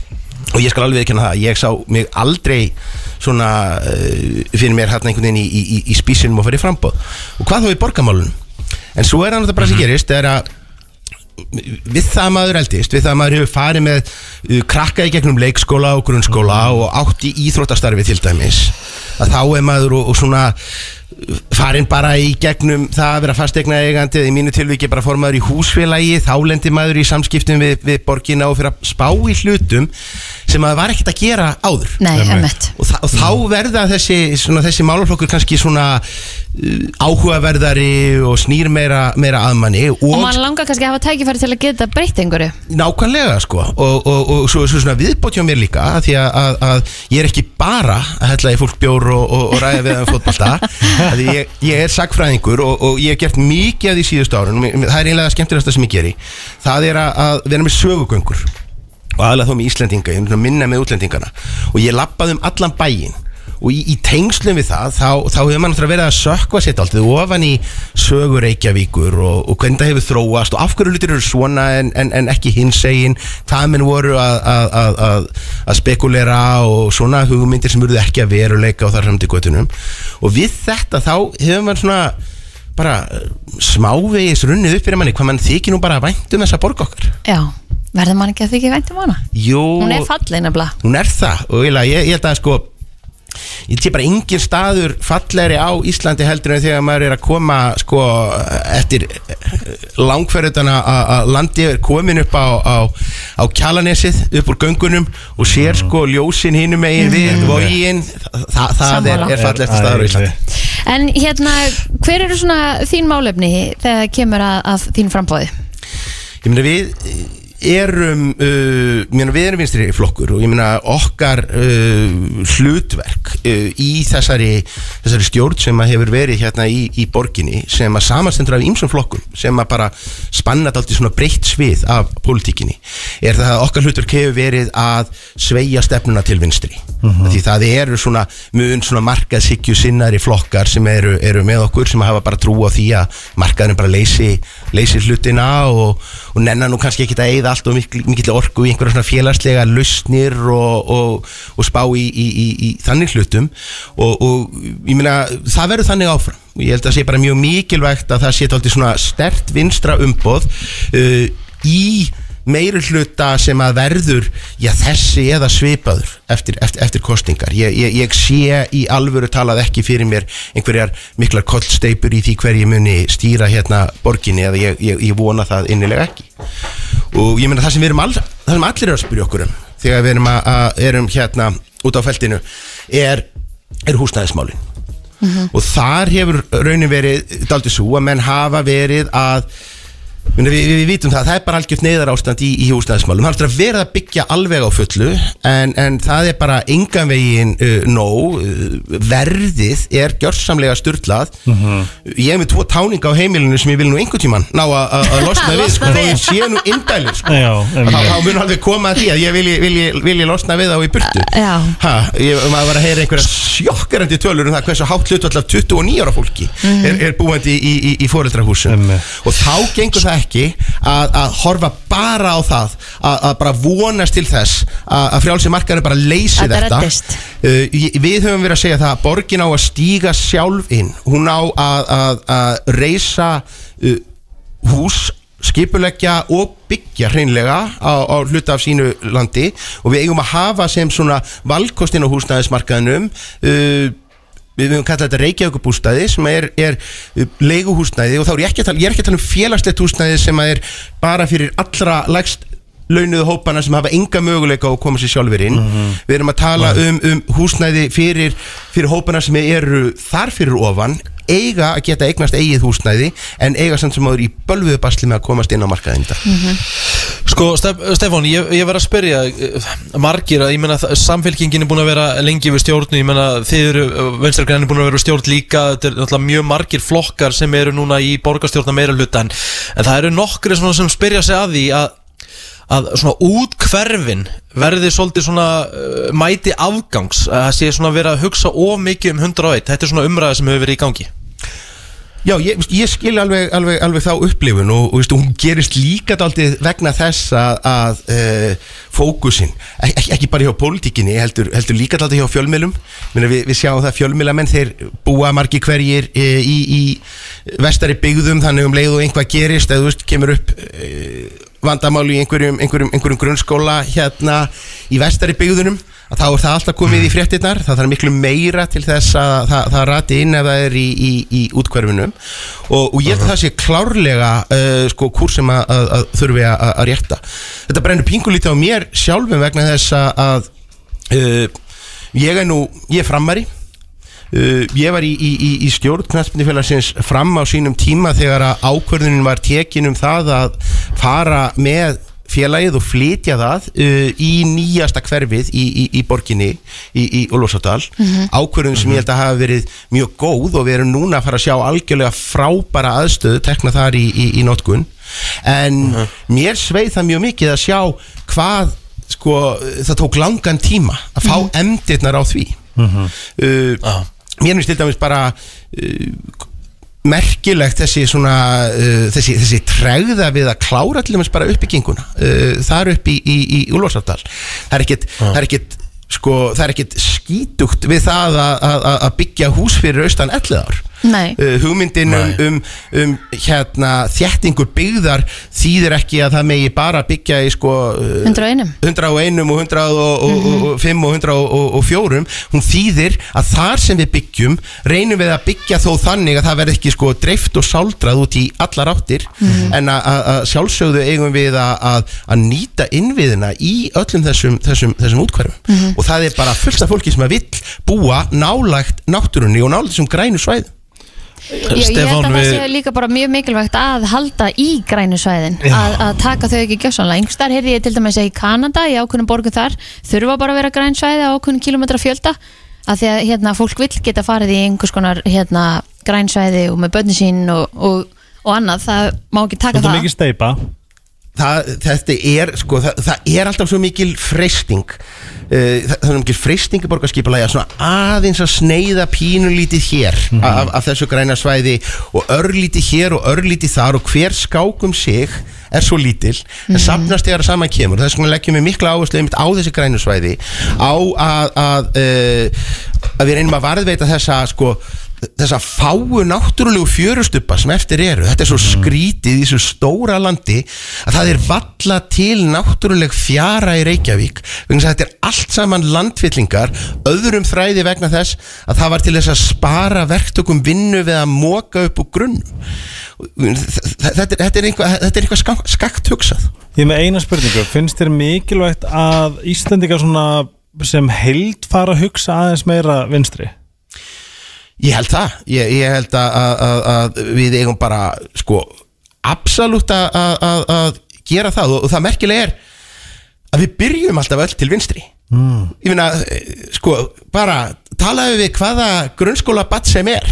Að það er bara mjög sterk svona uh, jafnrétti, svona jöfnuðar hugmynd, hugmynd um það að, að, að, allir eigi að fá jamt, að það eigi ekki að, að, skilja út undan að, að, að það eigi engin að, uh, vera einhverju betri eða sterkari stöðu bara út af einhverjum sínum bakgrunni eða, eða, eða, eða fóreldrum svo svona smá rjáttlast þetta af fólki með, með aldrinum. Þannig að eins og ég segi, við eigum bara að halda í barniði sjálfum okkur og vera bara vinstri fólk all, alla æfina hlenda Stefán, við komumst í miður ekki lengra en, en fyrir þá sem vilja kynna sér málefni ykkar hvert er hægt að fara Sko við erum náttúrulega að flengjast út um allan bæ þannig að ekki bara nóg að hitta okkur fyrir utan ríkið í næstu vestunarmiðstu en, en, en annars finnið okkur á netinu. Við erum með heimasíðu við erum með, með, með, með samfélagsmiðla. Kostningastjórnum var reyndar ekki kátur með mig þegar að, hún uppgötta að ég var ekki einu sinni með Instagram og hefði aldrei heyrt um TikTok. En, en meðframbjöðundur mínir eru allir á, á, á slíkum stöðum. Takk kærlega fyrir.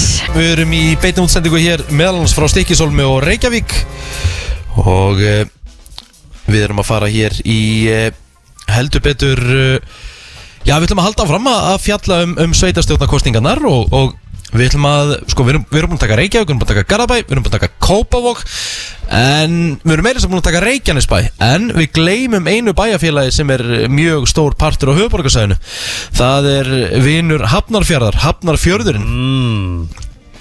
Hafnarfjörður Ég er meira þess að búi ég, Og ég er búið í Hafnarfjörði Ha? Hvenær? Já.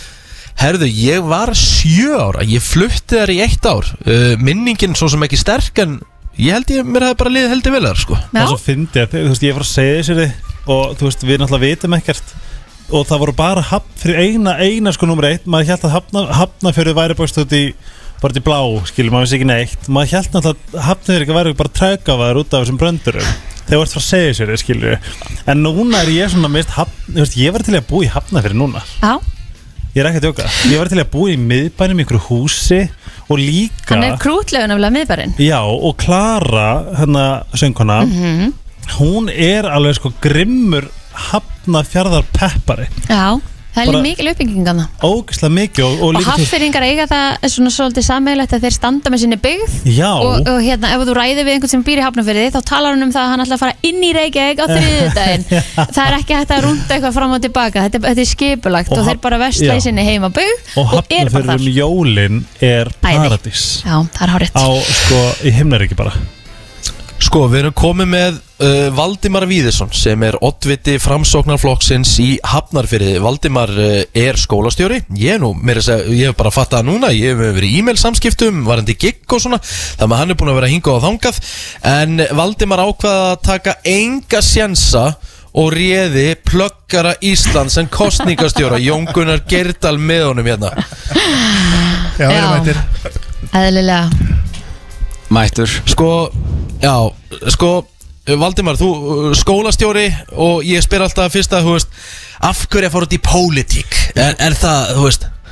Ég er bara svo eitthvað Ég er svo heiðarlegur og einfaldur eitthvað Ég held þetta væri svona bara áhugavert og skemmtilegt sem það er. Það er rosalega gaman að vinna bara með fólki. Hitta fólk, tala við fólk, vinna fyrir fólk og ég bara er svo mikil Já. uh, eitthvað people's person að ég hef bara svo brennandi áhuga á þess vegna fer maður bara að leggja meira á sig ekki bara skólastjórinn, heldur, heldur líka í bæðstjórn Sko, förum aðeins í hvað þarf að gera fyrir Hafnarfjörð? Hvað þarf að gera til þess að gera Hafnarfjörð betri en hann er í dag? Þetta var svo góð kynning hérna í byrjun hjá hérna, eh, þeim hérna með Hafnarfjörð. Það er svo dása, sko Hafnarfjörður er indislegu bær. Þetta er bara svona bær í borg og ég er sjálfur utan að landi, kem frá Bólungarvík eh, flutti í Hafnarfjörð 2008 og þetta er bara mikil uppbygging í gangi. Við þurfum bara að taka vel utan um fólkið og, og, og lifta bara sérkjörnum Hafnarfjörður upp eins og við erum að gera. En Þetta ég meina, finnst þér ekki líka fínt þú veist, hvort okkar býr í Hafnarfirði eða hefur búið í Hafnarfirði en samt tölum við svona um Hafnarfirði Já, þetta var bara, því líka því bara seldu þetta strax sko, ekki? þannig að ég held að bara kjósendur margir hverjir bara stokkið á vagnin með mér að því að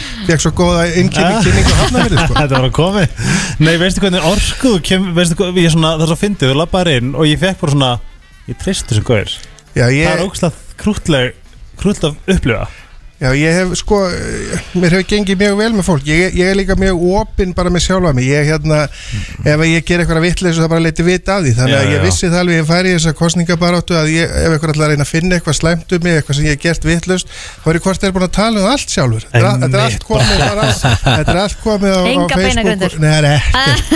Það er ekki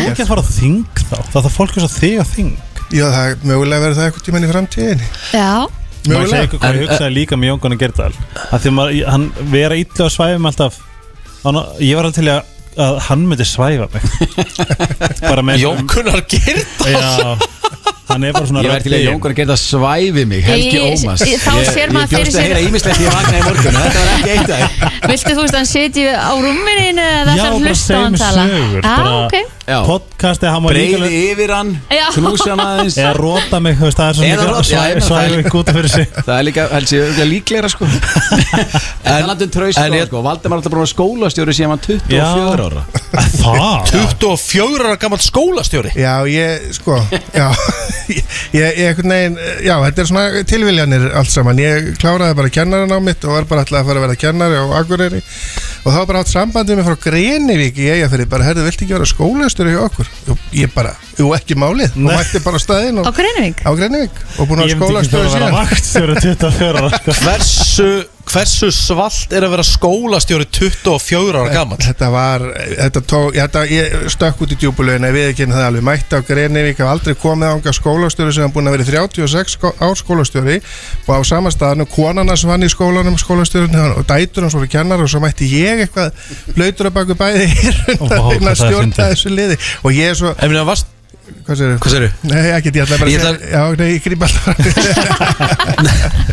Þetta er, er stikisólfun Nei, ég meina, þú veist, ég- þú veist 24 ára, ég meina, hvað er þetta ekki bara pínlítið einstæmið það? Jú, þetta vakti aðtikla þenn tíma og fekk mikla blaða umfjöllun að, að svona ungur maður hefði orðið skólastjóri þetta, þetta einhverju 24 ára þannig að, þannig að ég bara stökk út í djúbulögin og hef verið í þessu starfi síðan og er komin í munstari skóla núna í Hafnafyrði Öldutúnskóla Hvað stjórnum ekki ertu? Já. Ég meia Ah, Helgi spyr semst 24 alla að þessu. Já, ég Ég það er Helgi, ég vóg ef ég á að fara að koma á svævæg Ú, þú ert loft eins og ég. Fullur á lofti, sko. En hérna, Valdimar, uh, framsókn í Hafnarfyrir, hvað hérna, hver eru svona helstu, svona helstu fórustu málin uh, upp á að, gera? Já, við erum nú mjög mikið í velferðarmálunum, við erum talað mikið um uh, fjölskyldufólkið og, og alla hópa sem tengast fjölskyldunum, hvort sem er eldra fólk, ungt fólk, falla fólk, við erum bara mikill bara samvinnu flokku sem vil vinna vel sérstaklega bara með fólkinu og fyrir fólki þannig að velferðarmálin eru það sem við svona tölum mest fyrir einskipalagsmál og allt þetta eh, fylgir. En við erum Og kannski málinn sem að hafa svolítið glemst í allir þessu uppbygginga Það er alltaf að byggjum, byggjum, byggjum og byggjum fyrir unga fólkið en, en með unga fólkið fylgir náttúrulega ung börn Nákvæmlega. og síðan verður við að eldra fólki sem þurfum að búa einhver staðar þegar við erum orðin gumul Já, umræðina núna í síðustu vikur þegar maður hefur mætt í þessar kappræður og umræðin þætti hafa snúast svakalega mikið um skipulagsmál sem eru mikilvæg Mhm. en, en ég var einmitt að heyra því einhverjum þætti í morgun það var frambjóndur að ræða það það er aðeins að vantar umræðina um fólkið. Já, algjörlega. fólkið, a- alveg sama, alveg að sama því við erum að verða eldri Já. og, og það vantar svo mikið inn í innviðina einmitt. Segð þetta. Ég er ekki að vera eldri. Ekki ég, sko. Já, Hvern, loftin En hvernig hérna, hvernig Valdimar, hvernig eins og með skoðanakannir, hvernig, hvernig stand, stendur framsókn bara svona tveimur dögum fyrir kostningar? Framsókn hefur, framsókn hefur verið lítið frambóð í Hafnafyrði og, og, og fyrir 2018 hafði ekki flokkurinn átt uh, hérna, bæjarfyldur þar í 18 ár við erum að mælast núna með þetta 1,5 til 2 menn inni og við erum með Já. einn núna þannig að við ætlum okkur uh, við ætlum okkur stóra hlut á lögadaginn og við vonum það að við getum fagnað eftir 10 og lögadagskvöld að við séum að bæta við okkur. Við bara ætlum okkur það. Ég vonu að verið fosset eða eitthvað en þá ertu náttúrulega ekki þá getur þá, þá getur hann ekki búið í hafnafyrði Nei, krakkarnir í skólanum sko hjá mér, þeir koma til mín eh, alltaf og, og eru búin að gera síðustu vikur að því ég er náttúrulega út um allan bæ og skiltum og annað og þeir segja, já ég ætla að kjósa þeir sem fósetta, bæjastjóra, fósettisáðara þau áttast ekki alveg á því en við vorum, ákveð, við vorum að pæ, velta fyrir okkur í framsókn að breyta kostingaslagverði að því krakkarnir ætla að kjósa mig sko, þeir mega það bara ekki en við vorum að hugsa um að breyta kostningaslagverðina því þau segja alltaf við fóreldraði sína að þau eiga að kjósa mig sko Já. þannig að þetta hefði átt að vera sko að eh, kjóstu eins og badnið þitt segir Mm. þá erum við- að ná- í slattavakt sko. Já, já. Og eru það ekki kannski líka bara bestu atkvæði? Besta aðkvæðin, það er rétt En eh, við hvetjum alla sem að búi í hafnafyrði að kynna sig þig og þín málefni og hvað er hægt að gera það? það er bara að gera það á Facebook síðu framsóknar í Hafnafyrði og, og hún er mjög aðgengileg þar og, og svo náttúrulega er og svo náttúrulega eins og þeir segja, við erum með þennan kostningastjóra sem, að, sem kann eh, þetta að, að, já, þannig, að, þannig að það er út um allt að, að finna þessi kostningamál Glæslegt, bestu þakkir og gangið vel um helgina. Takk fyrir.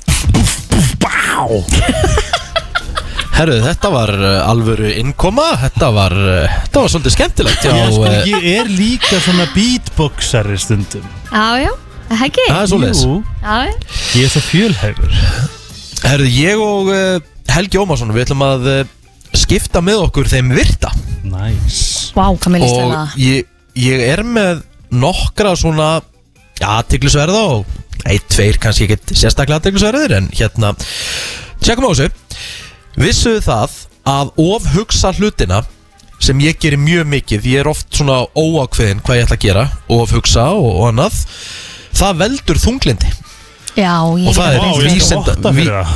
það er vísindalega sannað Já, takk og bless sko Mhm. Já, Algjörlega. bara facts Maður á, maður á að reyna að stoppa sig af ánum að fer hérna mitt á ofhugsa hlutina Já, líka bara Herru, hér er fyrir ekki Hvað sér Nei, að vera Já, komdu, óákveðin komdu. og get ekki Kottu, kottu Herri, já, næsti já, múli. hérna, Að vera óákveðin og þurfa að, ge- þú veist, hví að velja Það er líka bara, það er hell Já, vissuðu það að Netflix sem er Já, sem allir kannast við og allir þekkja Netflix og chill og allt það, elskum þegar við fáum góðar serjur en meir en 50% fólks á Netflix klárar heila serju á innan við viku. Þáttaröð. Já, fakt Annað þagt, það er ekki skítur á Netflix þess dagana. Ég, fa- ég finn ekki eina Nei, ég, er- ég, er að sammála, ég er sammála því. Það er mjög, það er slim pickings eins og sagt er. Fucking slim pickings. Ég er bara á, á Disney.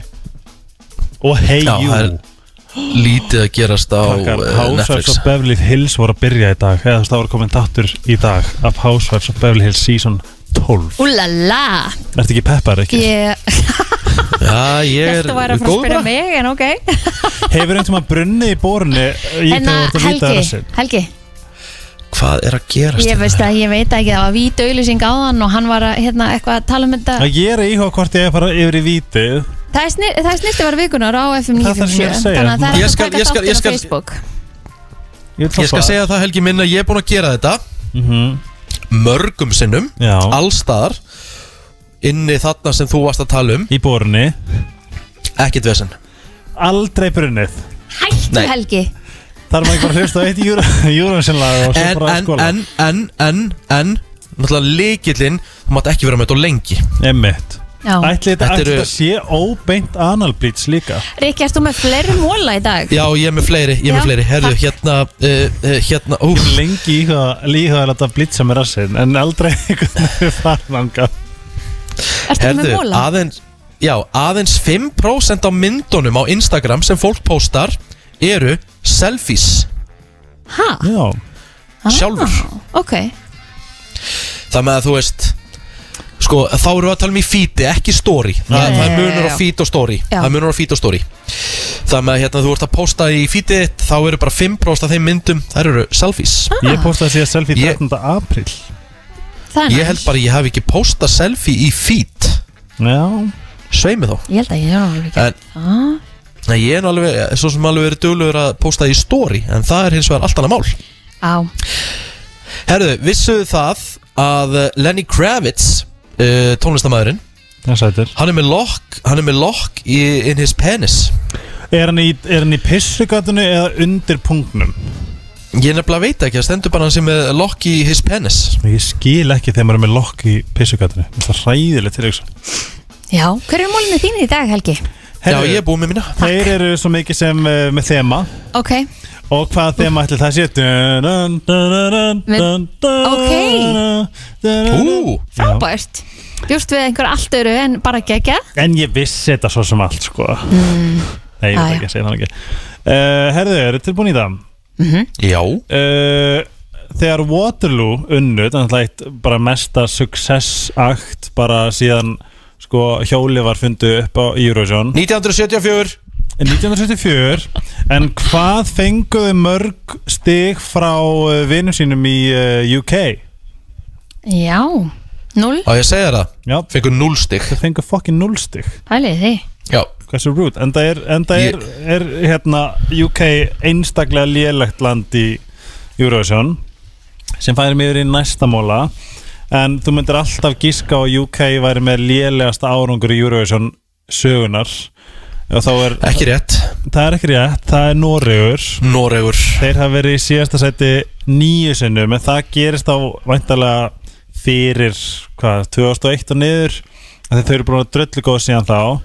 En uh, UK eða hérna, England er ítrekað að skýta á sig í þessa kemni Ok uh, núna með að vera sex, með, uh, sex manns á sviði Já. og um, uh, það, þangað til árið 1971 máttur bara vera, þrýr aðalsveginni Að það? Mhm. Ó, það er ekki Við mikið munum öll uh, 2012 þegar uh, hérna, Svíþjóð bustaði keppnina með Euphoria en hún er með með marg, margar tólfur. En það voru uh, hvorki meðin minn en átján lönd sem að gánu 12 stig. Geðveikt. Það er stórt. Já, það er það stórt. Þetta eru frábæri mólar hjá þér Helgi. Já, ég, og svo síðast er bara uh, frekar auðljós svo góður en uh, Eurovision er stærsta tónlistarsjó heimsins. Það er rétt, held en ég bara. við, við getum ekki, get ekki hvart á þess að spyrja uh, Richie að því ég er náttúrulega bara búin að vera með hann á heilanum síðan að við komumst áfram.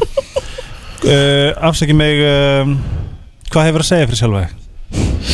Sko Og hvar er Ég myndin? verða Já, ég veit að hún er að komin Ég ætla að setja hann helvíti sokku uppi með Setja hann á brennsnakur og svo er þetta búið. Mér langar, en ég Eh, frekar á að taka henni sundur þráð eftir þrár og Nei, kynkir honum og bara kúkir beint honum. upp Ói, Nei, hann er ekki að fara að gera það. Af Við viljum bara hverju? fá Nei, þessa bara- mynd inn í dag Já, ég bara setja hann bara beint inn Þegar átti Já. hann ekki, nennum sér ekki lengur. Allavega 20 sekundur sko. Eða vídeo Sko.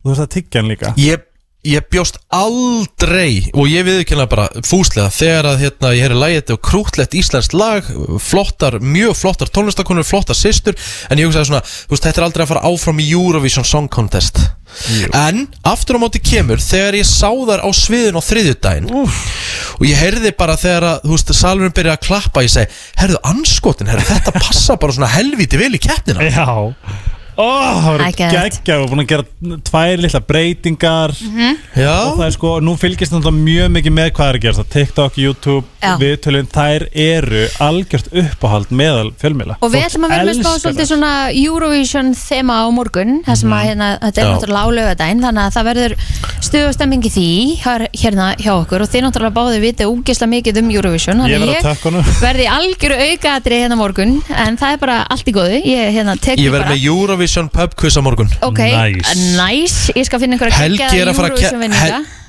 Helgi er að fara að keppa við einhvern hlustanda. Ok, trillt með bara, ég er mjög spennt fyrir þessu. En við ætlum Það er bara ekki að þannig. enda þáttin á neinu Eurovision-lagi samt í dag Því við ætlum að enda það á country-lagi Og country-lagið fekk Helgi að velja í dag. Viltu kynna það? fyrir Já, okkur? við erum að tala um drottninguna Shania Twain og þetta lag mun láta þið dilla í uh, bílsætinu eða upp í rúmi eins og þú Richie, I see you. Mm. Any man of mine, gera svo vel. Við segjum bara blessi Billy Takk fyrir okkur og við heyrum sér á morgun á slæginu sjö